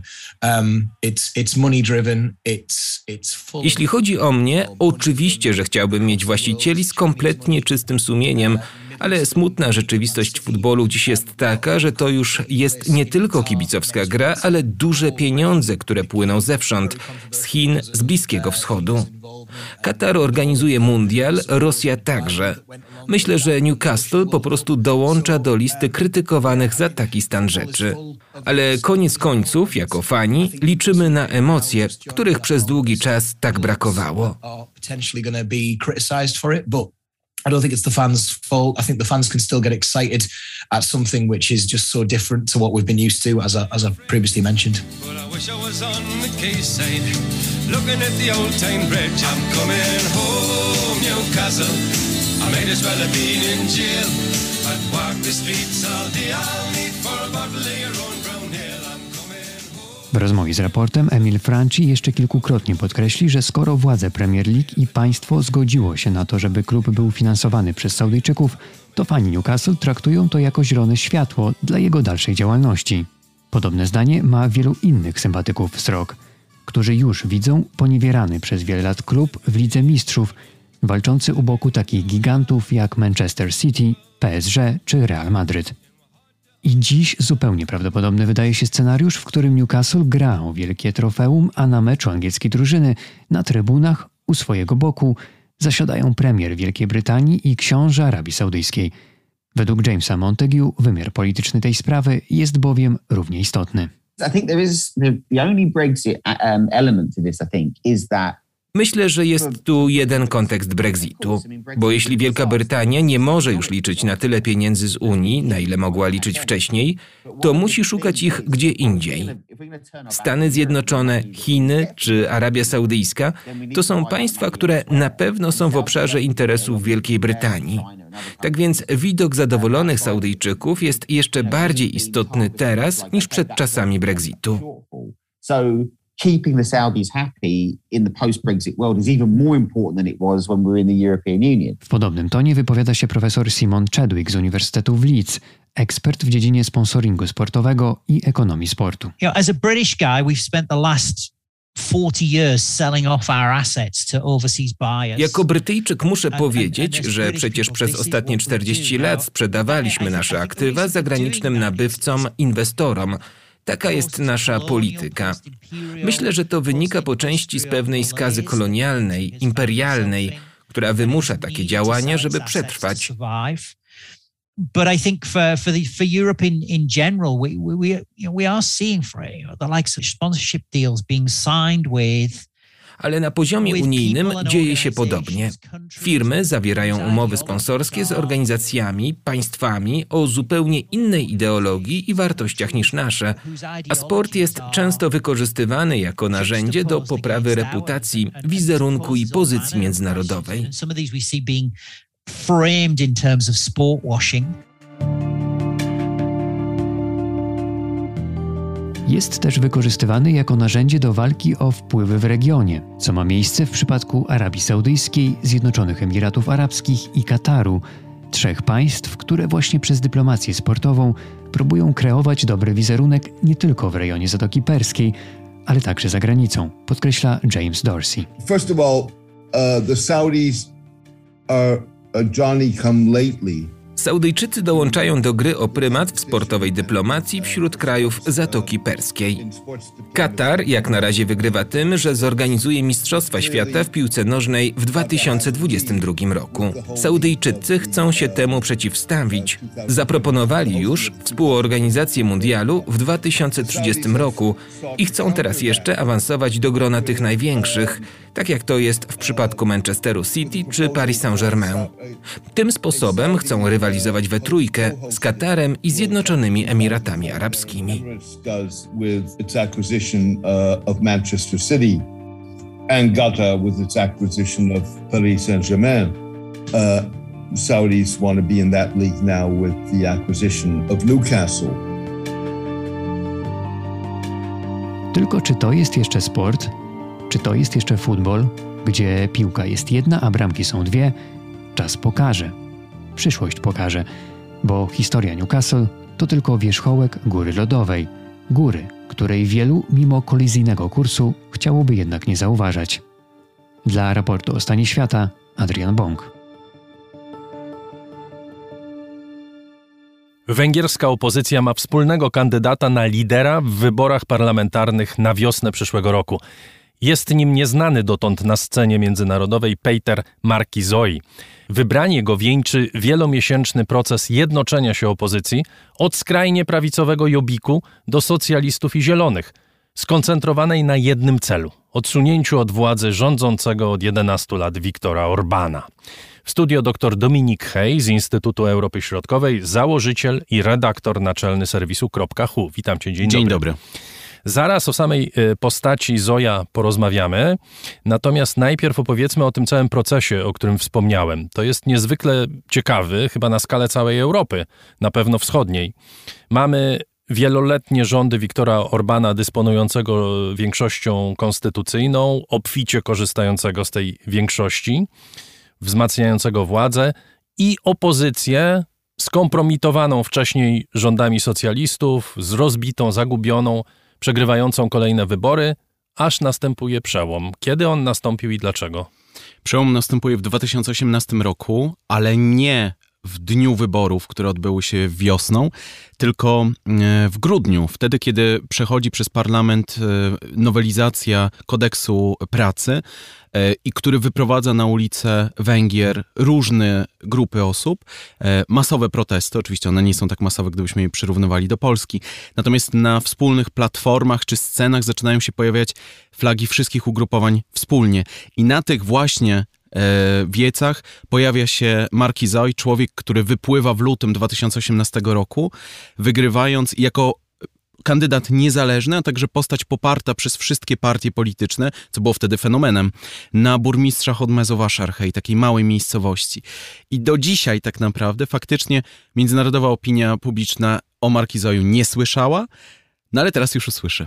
A ta mała miejscowość, której nazwę wymieniłeś i której ja nie powtórzę, to jest co? To jest, bo to jest, nagle się zrobiło charakterystycznym miejscem, takim dosyć znanym tak. w polityce węgierskiej, prawda? Tak. Właśnie ze względu na to, że tutaj się narodziło jednoczenie opozycji?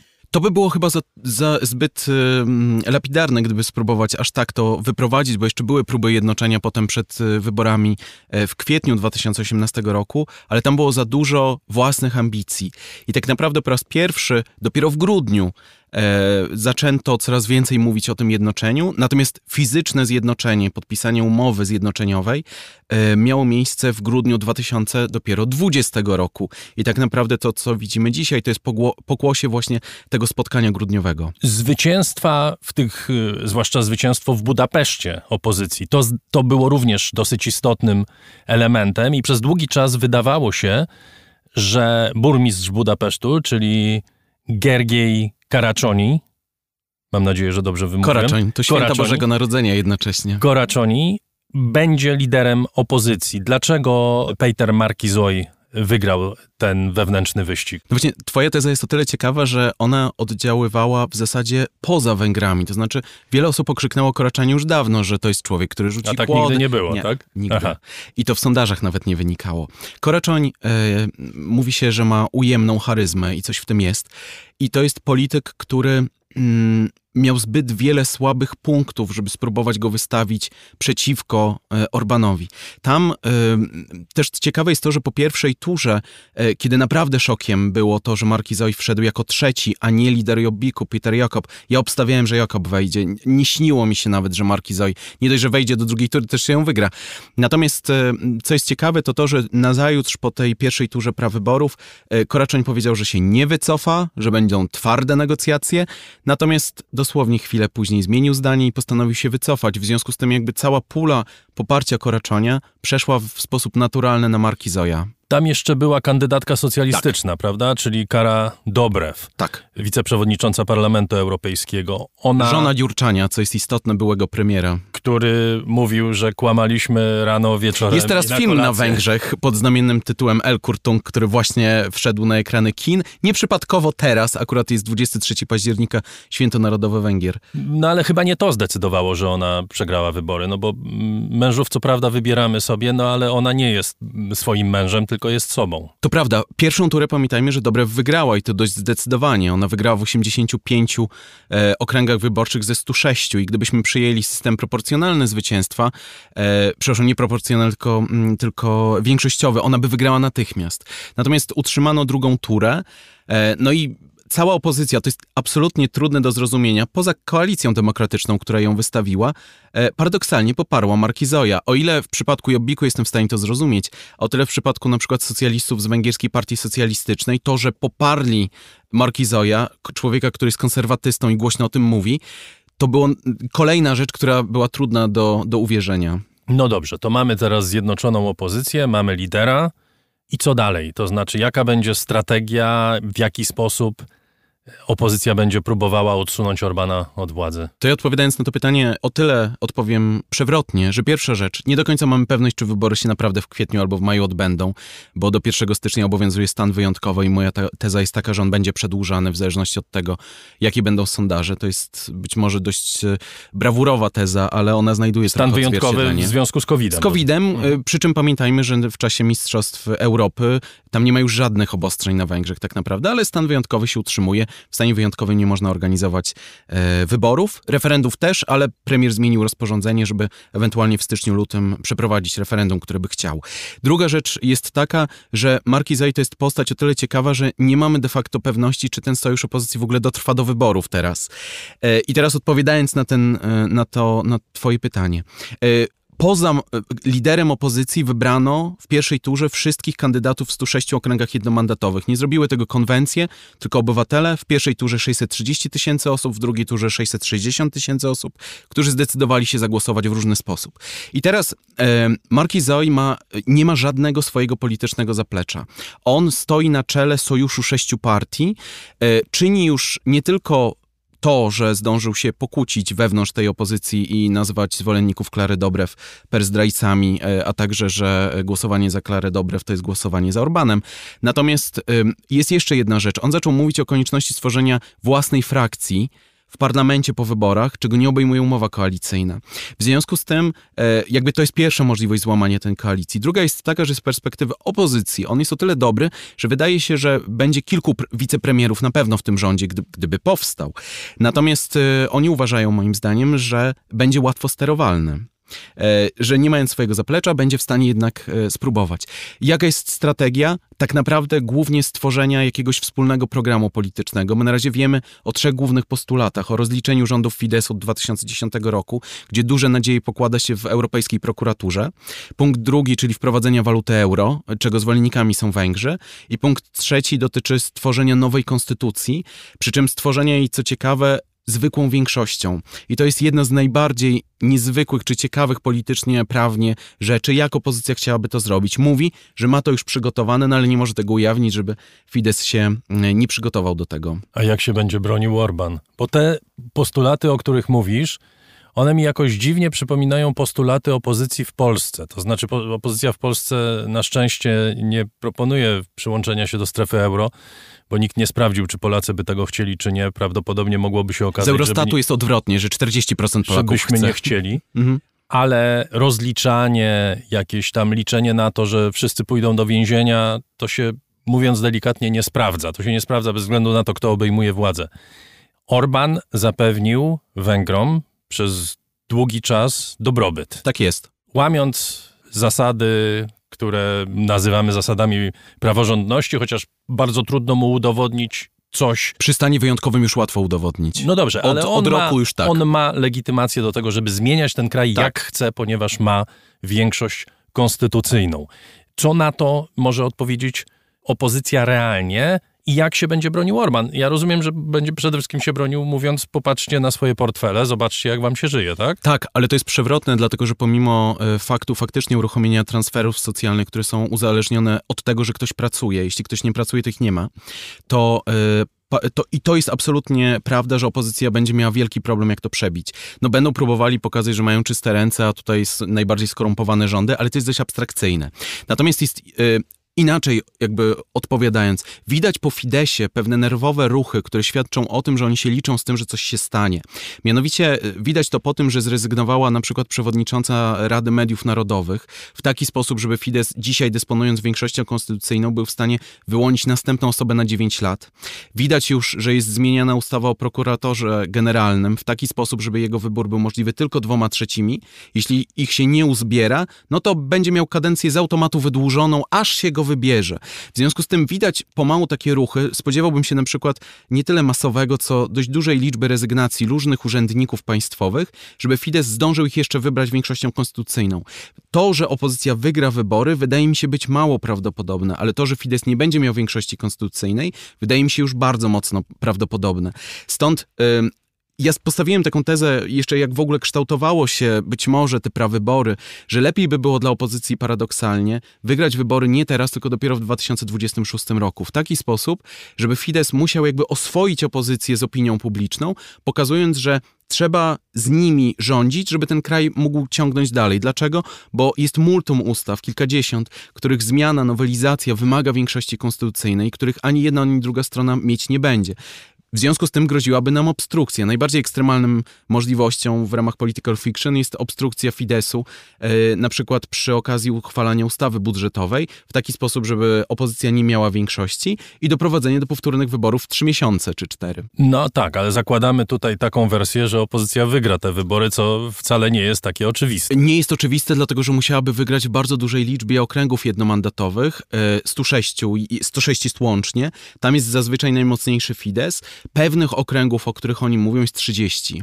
W związku z tym to już nam daje informację o tym, że stworzenie później, ponieważ cały system jest tak zbudowany, że dodaje dodatkowe punkty Fideszowi, to znaczy temu, kto wygrywa w największej liczbie okręgów jednomandatowych, bo tam jest tak zwana mm, wsparcie zwycięzcy, y, żeby te głosy, które on ma nadwyżki, nie przepadały, to się dodaje do głównej puli. E, W związku z tym system bardzo wspiera e, Fidesz w tej, w tej, w tej rywalizacji. Pomijam oczywiście media publiczne, czy w ogóle rynek medialny, który bardzo Fidesz wspiera. Porozmawiajmy chwilę na temat y, polityki europejskiej Węgier.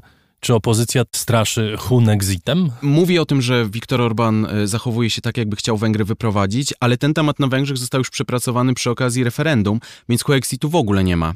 E, I to się nie pojawia w debacie, raczej mowa jest o tym, że próbuje e, Unię zniszczyć poprzez skrajnie prawicowe sojusze wewnątrz. I jak to jest przyjmowane? To znaczy, czy te kłopoty Węgier, zwłaszcza zachowanie Orbana, który wiemy, że jest bardzo sprawnym operatorem, jeśli chodzi o politykę europejską, czy to jest traktowane jako wzmacnianie Węgier, czy wręcz przeciwnie, jako osłabianie? To jest zależne od tego, kto pyta i kto odpowiada, mówiąc wprost. Zapewne, tak. Zapewne. Y, Dlaczego? Bo paradoksalnie w całej polityce Viktora Orbana faktem jest, że uznaje na przykład wyroki TSUE, który był bardzo nie na rękę Węgrom, dotyczący na przykład y, Uznaje, czyli wprowadza w życie wprowadza w życie. orzeczenie. Z opóźnieniem, ale wprowadza. Głównie dotyczyło to na przykład polityki migracyjnej i istotnych y, tamtejszych ustaleń. Natomiast teraz, co jest ciekawe, to to, że on się chowa za akurat w naszym przypadku za Polskę, z różnymi postulatami, które chciałby zrealizować, natomiast chowa się za kimś. A propos wyroku Polskiego Trybunału Konstytucyjnego, powiedział wczoraj w Brukseli, że Polska wreszcie miała odwagę poruszyć tę kwestię. Natomiast nikt na Węgrzech w Trybunale Konstytucyjnym nie będzie rozważał prymatu prawa, dlatego że musiałoby Węgry wejść na kolejną inną ścieżkę. W związku z tym paradoksalnie jest tak, że wiele aspektów zostaje na polu retorycznym i on sobie podpuszcza różne kraje. Zresztą wczoraj o tym powiedział, że buduje sojusze wokół pewnych kwestii, a nie stałych bloków, e, więc teraz mamy porozumienie w tej kwestii, potem w tamtej kwestii, żeby po prostu realizować swoją politykę. W związku z tym moglibyśmy powiedzieć, że jako mąż stanu dba wyłącznie o Węgry. A jako y, przyjaciel wieczny Polski, jak na przykład reaguje na kryzys y, migracyjny na granicy polsko-białoruskiej. Mówi, że jest presja, ale nie mówi z czyjej strony. Znaczy nie jest przypadkowe, że słowo Białoruś e, nie przechodzi przez usta e, ani węgierskiej dyplomacji, ani premierowi, co jest pokłosiem nie tylko relacji z Białorusią i słowetnego misia w ONZ w trakcie e, posiedzenia niedawnego z ministrem spraw zagranicznych Białorusi, ale też oczywiście tła związanego z, z Rosją. No pamiętajmy choćby nie tyle o, o podpisanej nowej umowie z Gazpromem na 15 lat, ale tego, co węgierski minister spraw zagranicznych Peter Sijarto mówił o Nord Stream, twierdząc, że Gazprom i Nord Stream to zapewnienie bezpieczeństwa dostaw w regionie Europy Środkowej, czy w ogóle Europy i że dzięki Rosji można mieć bezpieczeństwo dostaw. Kiedy teraz na wszystkich giełdach e, każde państwo martwi się o ceny gazu, Węgrzy mówią, że nie dość, że cen nie podniosą, to jeszcze je będą obniżać w ramach dalszej realizacji swojej polityki obniżek cen energii. A jak to będą robić? Bo te ceny przecież rosną na rynkach, czyli co będą dostawać tani gaz od Rosji? Po pierwsze nie wiemy, jaka jest cena nowej umowy, która weszła w życie 1 października października. To jest w ogóle niepodane. Druga rzecz dotyczy tego, że na Węgrzech jest są ustawowe ceny y, gazu, które są obecnie zablokowane bodaj na poziomie z 2013 roku. Musielibyśmy sięgnąć, teraz nie będę pamiętał, jakie były ceny wtedy, przyrównać je do dzisiejszych, natomiast niewątpliwie państwo spróbuje w jakiś sposób z, z, tak zadziałać, że dzisiaj y, w rywalizacji z opozycją główny postulat dotyczy tego, że jeśli opozycja wygra, to wróci Dziurczań, a w związku z nim wróci ta cena gazu, która była niezwykle wysoka. Jeszcze wrócę do sytuacji uchodźczej czy migracyjnej na granicy. No, Węgry przeżyły bardzo mocną presję ze strony migrantów przed sześcioma laty w 2014-2015 roku. Jak rozumiem, tutaj nie ma, nazwijmy to, sympatii czy takiego zrozumienia, przynajmniej przekładającego się na politykę europejską wobec Polski ze strony Budapesztu? Paradoksalnie y, kryzys, który my mamy na wschodniej granicy, potwierdzałby wszystkie tezy Orbana z 2015 roku o konieczności budowania stałych zasieków i tak dalej. E, natomiast Węgry unikają tego tematu, paradoksalnie mówię o Polsce, e, ze względu na to, że musiałyby się opowiedzieć właśnie przeciwko Białorusi i Rosji, natomiast bardzo dużo mówią o, swoim, o sytuacji na swojej granicy. Pojawił się znowu postulat, że trzeba przywrócić strefy nadgraniczne, tak zwane te zony, które Trybunał Sprawiedliwości Unii Europejskiej zakazał. Natomiast tam kryzysu nie ma przy czym nawet jeżeli słyszymy o setkach osób szturmujących węgierską granicę, to powinniśmy pamiętać, że zostały zmienione statystyki wstecz. Kompletnie inaczej się dzisiaj liczy osoby. Nie liczy się tych, którzy fizycznie szturmują e, ten płot, tylko liczy się wszystkich, którzy się znajdą w pasie nadgranicznym, którzy nawet nic tam nie zrobili ale dzięki temu, dzięki tym liczbom, oczywiście się codziennie nie tłumaczę, jak się to liczy, no to taka wra takie wrażenie ciągłego stanu oblężenia jest, jest, jest, towarzyszy Węgrom. Natomiast niewątpliwie udałoby się wykorzystać tę dzisiejszą sytuację też na polskiej granicy, żeby udowodnić, że Orban w 2015 roku w wielu aspektach krytykujących politykę migracyjną Unii Europejskiej miał rację. Dziękuję bardzo. Dr Dominik Hej z Instytutu Europy Środkowej, założyciel, redaktor naczelny serwisu .hu, był gościem raportu o stanie świata. Dziękuję.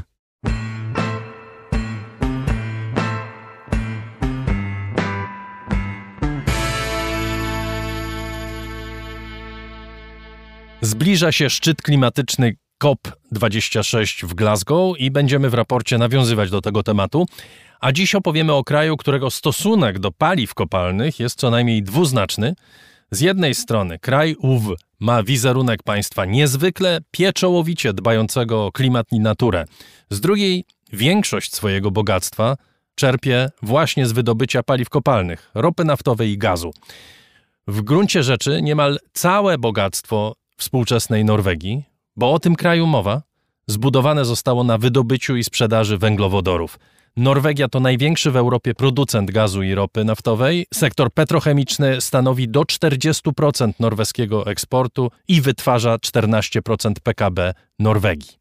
W studio Piotr Szymański z Ośrodka Studiów Wschodnich. Dzień dobry. Dzień dobry. W Norwegii niedawno były wybory, wygrała je centro Lewica. Nic dziwnego, wziąwszy pod uwagę to, co powiedziałem we wstępie, że lider Partii Pracy zapowiedział, że żadnego odchodzenia od produkcji ropy i gazu w Norwegii nie będzie. I to, jak rozumiem, było podejście wszystkich głównych partii, prawda? Tak, zdecydowana większość partii, a także większość elektoratu w Norwegii opowiada się za kontynuacją wydobycia. Natomiast rzeczywiście w czasie kampanii wyborczej był to pierwszoplanowy temat, bo bardzo aktywnie przeciwko e, ropie i przeciwko węglowodorom wypowiadały się takie partie jak liberałowie, jak zieloni e, i również socjaliści, komuniści, więc jest taka grupa mm, partii, która rzeczywiście ten temat e, podnosi. A jakie jest stanowisko społeczeństwa norweskiego? Społeczeństwa, no tutaj... które przecież się wzbogaciło na gazie i ropie i które pracuje w tym sektorze petrochemicznym, chyba dosyć dużo Norwegów właśnie w nim jest. Tak, według szacunków około 200 tysięcy osób pracuje albo bezpośrednio w, przy wydobyciu ropy i gazu, albo w branżach powiązanych, więc e, możemy sobie wyobrazić skalę i znaczenie tego sektora w kraju, który liczy 5,3 miliona mieszkańców. No i tutaj rzeczywiście e, połowa Norwegów według e, sondaży opowiada się za kontynuacją wydobycia. Można zwrócić uwagę też na e, taki międzypokoleniowy konflikt, dlatego że to młodzież i przede wszystkim członkowie różnych organizacji ekologicznych, a także młodzieżówek partyjnych postulują wycofanie się z eksploatacji ropy i gazu. Natomiast starsze pokolenie jest bardziej przywiązane do E, tego tradycyjnego zajęcia, którym właśnie obok rybołówstwa e, parają się Norwegowie. My mamy nawet pozew takich szóstki aktywistów e, norweskich w Europejskim Trybunale Praw Człowieka przeciwko właśnie planom rządu Norwegii dalszej eksploracji Arktyki norweskiej. To jest pozew, który po pierwsze będzie pewnie leżał tam kilka lat, a po drugie ma chyba niewielkie szanse skuteczności. Nie, on już na pierwszych instancjach został oddalony i rzeczywiście tutaj linia organizacji ekologicznych polegała na tym, że oni argumentowali, e, że jest e, wydobycie węglowodorów jest e, złamaniem konstytucji norweskiej, prawa do czystego środowiska naturalnego. No i tutaj ta argumentacja nie została przyjęta, natomiast rzeczywiście ten szelf kontynentalny w Arktyce, na Morzu Barentsa, według szacunków norweskich kryje dwie trzecie zasobów ropy i gazu w Norwegii. Tam z 87 złóż, które są obecnie w użyciu, e, działają tylko dwa. Trzecie, e, największe dotychczasowe, będzie e, uruchomione w 2023 roku. No ale rzeczywiście jest tam duży potencjał wydobycia. No i w dyskusjach w czasie kampanii wyborczej podnoszono argumenty przeciwko wydobyciu w Arktyce. Tutaj duża część aktywistów właśnie i, i, społeczeństwa liczyła na to, że przynajmniej takie ograniczenia rząd norweski wprowadzi, jakieś e, moratorium na e, eksplorację w Arktyce. Tymczasem w programie rządowym czytamy, że licencje na wydobycie i poszukiwanie węglowodorów będą nadal wydawane. Oczywiście to jest tak, że klimat nie psuje się poprzez wydobycie ropy naftowej czy gazu, tylko psuje się poprzez użycie tychże surowców, prawda? Więc y, Norwegowie mogą powiedzieć, to nie my, my się tym nie zajmujemy, my mamy bardzo czysty klimat, w ogóle spełniamy wszystkie normy. Jak to się dzieje, że Norwegia, kraj, który używając terminologii ekologicznej zatruwa planetę, bo przecież produkując takiej ilości ropy i gazu, to jest zatruwanie planety, ma równocześnie wizerunek kraju, niezwykle ekologicznego, dbającego o naturę. Przecież wszyscy chcielibyśmy pojechać na te fiordy norweskie i oddychać świeżym powietrzem. I rzeczywiście przecież jak tam pojedziemy, to tak będzie. Ale jak to się dzieje? Czy to chodzi tylko o to, że oni mają tak doskonałą prasę? Znaczy, rzeczywiście tutaj e, wśród tych e, państw nordyckich, które w tej opowieści o zmianach klimatu i o zielonej transformacji odgrywają rolę tych e, pozytywnych, dobrych bohaterów, można powiedzieć, że Norwegia jest takim, może nie czarną owcą, ale bohaterem ze skazą. Ale oddajmy Norwegom e, e, tutaj sprawiedliwość i zwróćmy uwagę na to, że rzeczywiście, jakkolwiek dziwnie by to nie brzmiało, norweski gaz e, i ropa są najbardziej zielone na świecie. To znaczy, że rzeczywiście Norwegowie ograniczają emisje związane z wydobyciem węglowodorów. Tak? Platformy wcześniej były zasilane po prostu z wydobywanej ropy i gazu. Teraz następuje ich elektryfikacja. Z odnawialnych źródeł energii są po prostu podciągnięte kable na platformy, żeby nawet podczas wydobycia e, nie emitować e, gazów cieplarnianych dwutlenku węgla. E, plus rzeczywiście Norwegowie działają aktywnie w innych branżach. Mają ambitne cele klimatyczne. W 2020 roku 75% nowych samochodów sprzedanych w tym kraju to były samochody elektryczne, więc no tutaj trzeba... Są wysokie podatki węglowe, prawda? Tak, trzeba, trzeba spojrzeć na to, na to szerzej i tutaj w Norwegii mamy bardzo ciekawą dyskusję na tym tle. Centroprawica argumentowała, że e, Norwegia powinna kontynuować e, wydobycie, dlatego że ma właśnie te wyśrubowane normy środowiskowe, że wycofanie się z ropy i gazu nie zmieni nic, bo popyt zostanie pokryty przez inne kraje, najczęściej niedemokratyczne, najczęściej niedbające o normy środowiskowe. Teraz e, ta narracja ulega zmianie. Centrolewica argumentuje i broni sektora w ten sposób, że podkreśla, że ma on unikalne kompetencje, które pomogą w przyszłości w tej zielonej transformacji. Mowa tutaj w szczególności o energetyce wiatrowej i wodorowej, że tutaj trzeba chronić ten kapitał ludzki, technologiczny i że sektor naftowo-gazowy będzie tą trampoliną e, do e, zielonej transformacji e, energetyki norweskiej. No, jeżeli chodzi o zwolenników wycofania się tu i teraz z węglowodorów, no to ich argument jest taki, że Mamy norweski fundusz tak, o wartości e, ponad e, biliona dolarów. Tak, tam w przeliczeniu na e, każdego mieszkańca Norwegii to jest 250 tysięcy dolarów, milion złotych, więc możemy sobie pozwolić teraz na odejście od węglowodorów, możemy sobie pozwolić na ambitną transformację, dać przykład światu, być mniej zależnymi od fluktuacji e, cen surowców. No i, i, ta, i ta debata norweska rzeczywiście w tym wymiarze jest fascynująca. Nie zbiedniejemy, a przynajmniej jak zbiedniejemy, to mamy jeszcze tą poduszkę dosyć długo wypchaną, że tak powiem, prawda? Tak, jest dosyć miękka. Przy okazji COP26 pojawiają się różnego rodzaju publikacje. Jedną z nich był raport opublikowany przez BBC niedawno, kilka dni temu. Norwegia wymieniana jest wśród krajów obok Arabii Saudyjskiej, Chin, Japonii, Australii, które bardzo energicznie lobbują za tym, żeby w raportach Międzynarodowego Panelu do Spraw Zmian Klimatu łagodzono potrzebę szybkiego odejścia od paliw kopalnych. To z pewnością podgrzewa emocje i wywołuje sceptycyzm z jednej strony wobec Norwegii czy wobec tych krajów, no ale no, trudno się spodziewać, żeby Arabia Saudyjska lobowała za tym, żeby przestano produkować ropę naftową, prawda? ale sceptycyzm co do rekomendacji i wiarygodności panelu. To chyba jest najbardziej bolesne. Tak, ten, e, ten lobbying nie jest zaskoczeniem. E, tu już wyjaśniliśmy sobie znaczenie całego sektora, ale też trzeba spojrzeć na norweską scenę polityczną, gdzie nadal dużą rolę odgrywają związki zawodowe. I mm, to była tak naprawdę najciekawsza sprawa w czasie negocjacji koalicyjnych w e, Norwegii, bo mm, tutaj próbowali E, próbowali lejburzyści z e, Partii Pracy zorganizować trójstronną e, koalicję z partią Centrum i z socjalistami. Ostatecznie będzie to koalicja dwustronna z partią Centrum. Socjaliści się z tego wypisali właśnie ze względu na konflikt o wydobycie ropy i gazu. To była jedna z najważniejszych kwestii, która doprowadziła do e, zerwania tych, e, tych rozmów trójstronnych.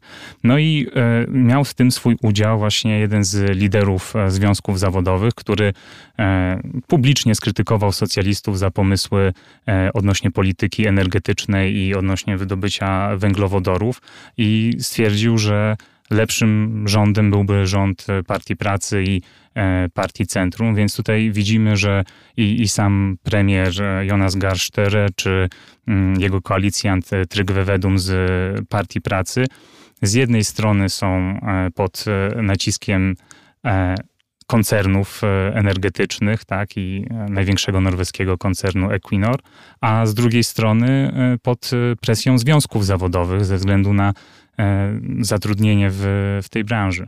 A jak odbierane są rekomendacje panelu właśnie w środowisku nafciarzy, czy w takich krajach jak Norwegia, czy to przez producentów, czy to przez ludzi po prostu zatrudnionych w sektorze? No bo jeżeli pojawiają się tego typu zarzuty, no to od razu towarzyszą im pytania, no dobrze, ale skoro to jest tak, że odbywa się tam normalnie taki sam polityczny lobbying jak w każdej innej dziedzinie, a z drugiej strony mówi nam się, że panel do spraw zmian klimatu to jest naukowa instytucja, której wnioski są oparte wyłącznie o naukowe przesłanki, no to coś tu nie gra, tak? Znaczy, Norwegia jest e, tym ciekawym przykładem e, kraju, który stawia na rozwój e, energetyki odnawialnej przy utrzymaniu wydobycia węglowodorów, ale ma świadomość tego, że jest to branża schyłkowa. Więc tutaj rzeczywiście i same koncerny, i rząd dywersyfikują swoją działalność i stawiają na odnawialne źródła energii, więc tutaj w samej Norwegii to jest raczej walka o to, żeby jak najwięcej skorzystać jeszcze z możliwości, które e, stwarza ropa i gaz i ich eksport, żeby przygotować kraj do e, tej e, zielonej transformacji, ale także przygotować szersze reformy związane z funkcjonowaniem państwa dobrobytu, bo tego, tego często brakuje w debacie o e, krajach nordyckich, o, o Danii, o Norwegii, ale też Szwecji, że rzeczywiście tam różne rozwiązania ustrojowe, polityka e, społeczna, socjalna doprowadziła do likwidacji albo znacznego ograniczenia nierówności. I zapomina się o tej, o tej ropie, o tym gazie, o surowcach, które E, finansowały różne te, te polityki. No, ale... Nie pamiętamy, że to były kraje jeszcze nie tak dawno bardzo biedne, prawda? Dokładnie, więc tutaj, tutaj rzeczywiście jest, jest też taka nordycka nawet presja na Norwegów, bo przecież Duńczycy już ogłosili tak, że nie będą wydawać nowych koncesji na wydobycie e, ropy i gazu, a do 2050 roku e, branża zostanie wygaszona, będzie stopniowo wygaszana. I e, tutaj Norwegowie nie stawiają takiej daty, ale pracują nad tym i na pewno przygotowują strategię, co dalej z, z tym sektorem. Bardzo dziękuję. Piotr Szymański z Ośrodka Studiów Wschodnich był gościem raportu o stanie świata. Dziękuję. I to już prawie wszystko w raporcie o stanie świata. Zapraszam serdecznie na nasze kolejne spotkania. We wtorek raport z przyszłości, w środę raport na dziś, a za tydzień kolejny raport o stanie świata i tak dalej, i tak dalej. Jak długo się da. To wszystko możliwe jest dzięki Państwu, za co serdecznie dziękuję. Zachęcam do wspierania raportu. Najłatwiej za pośrednictwem mojego profilu w serwisie patronite.pl. Zachęcam przede wszystkim do słuchania nas. Nasze programy są dostępne za darmo dla wszystkich, których interesuje świat i inni ludzie. Na koniec piosenka, hymn, elegia, lament po stracie ukochanego miasta. Jedna z najpiękniejszych piosenek o Newcastle – starym, robotniczym, stoczniowym mieście nad wielką rzeką. Mieście, którego już nie ma. Jimmy Nail, Mark Knopfler i Big River.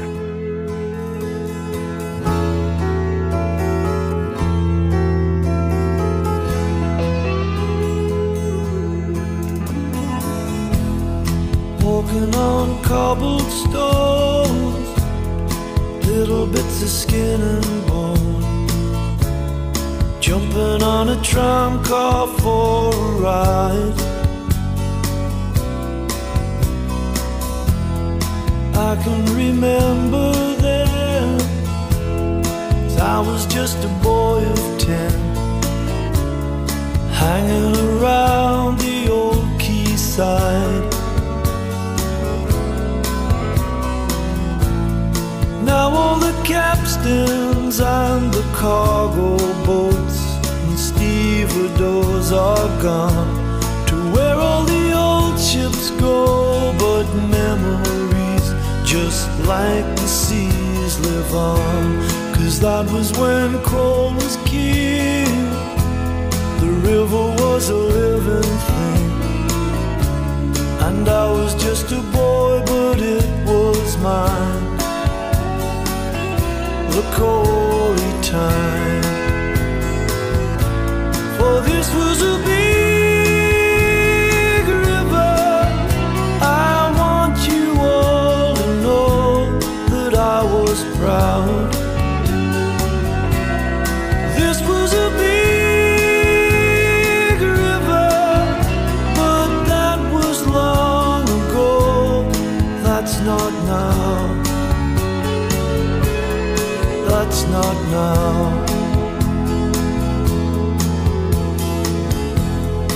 father was a working man.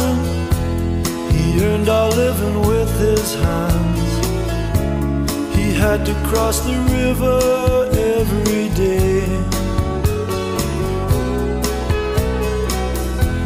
He picked up a union card out of the Neptune yard.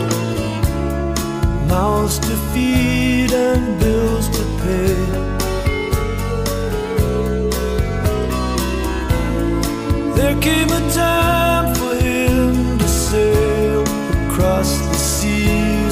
whoa.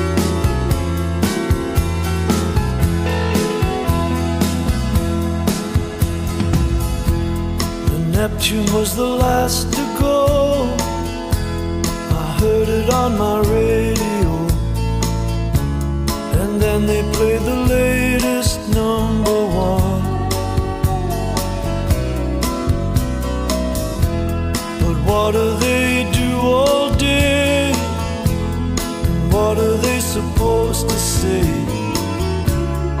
What does a father tell his son?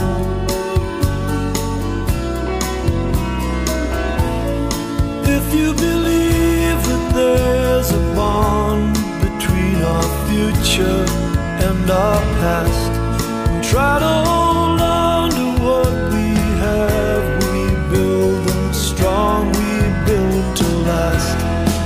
This is a mighty town built upon a solid ground, and everything they've tried so hard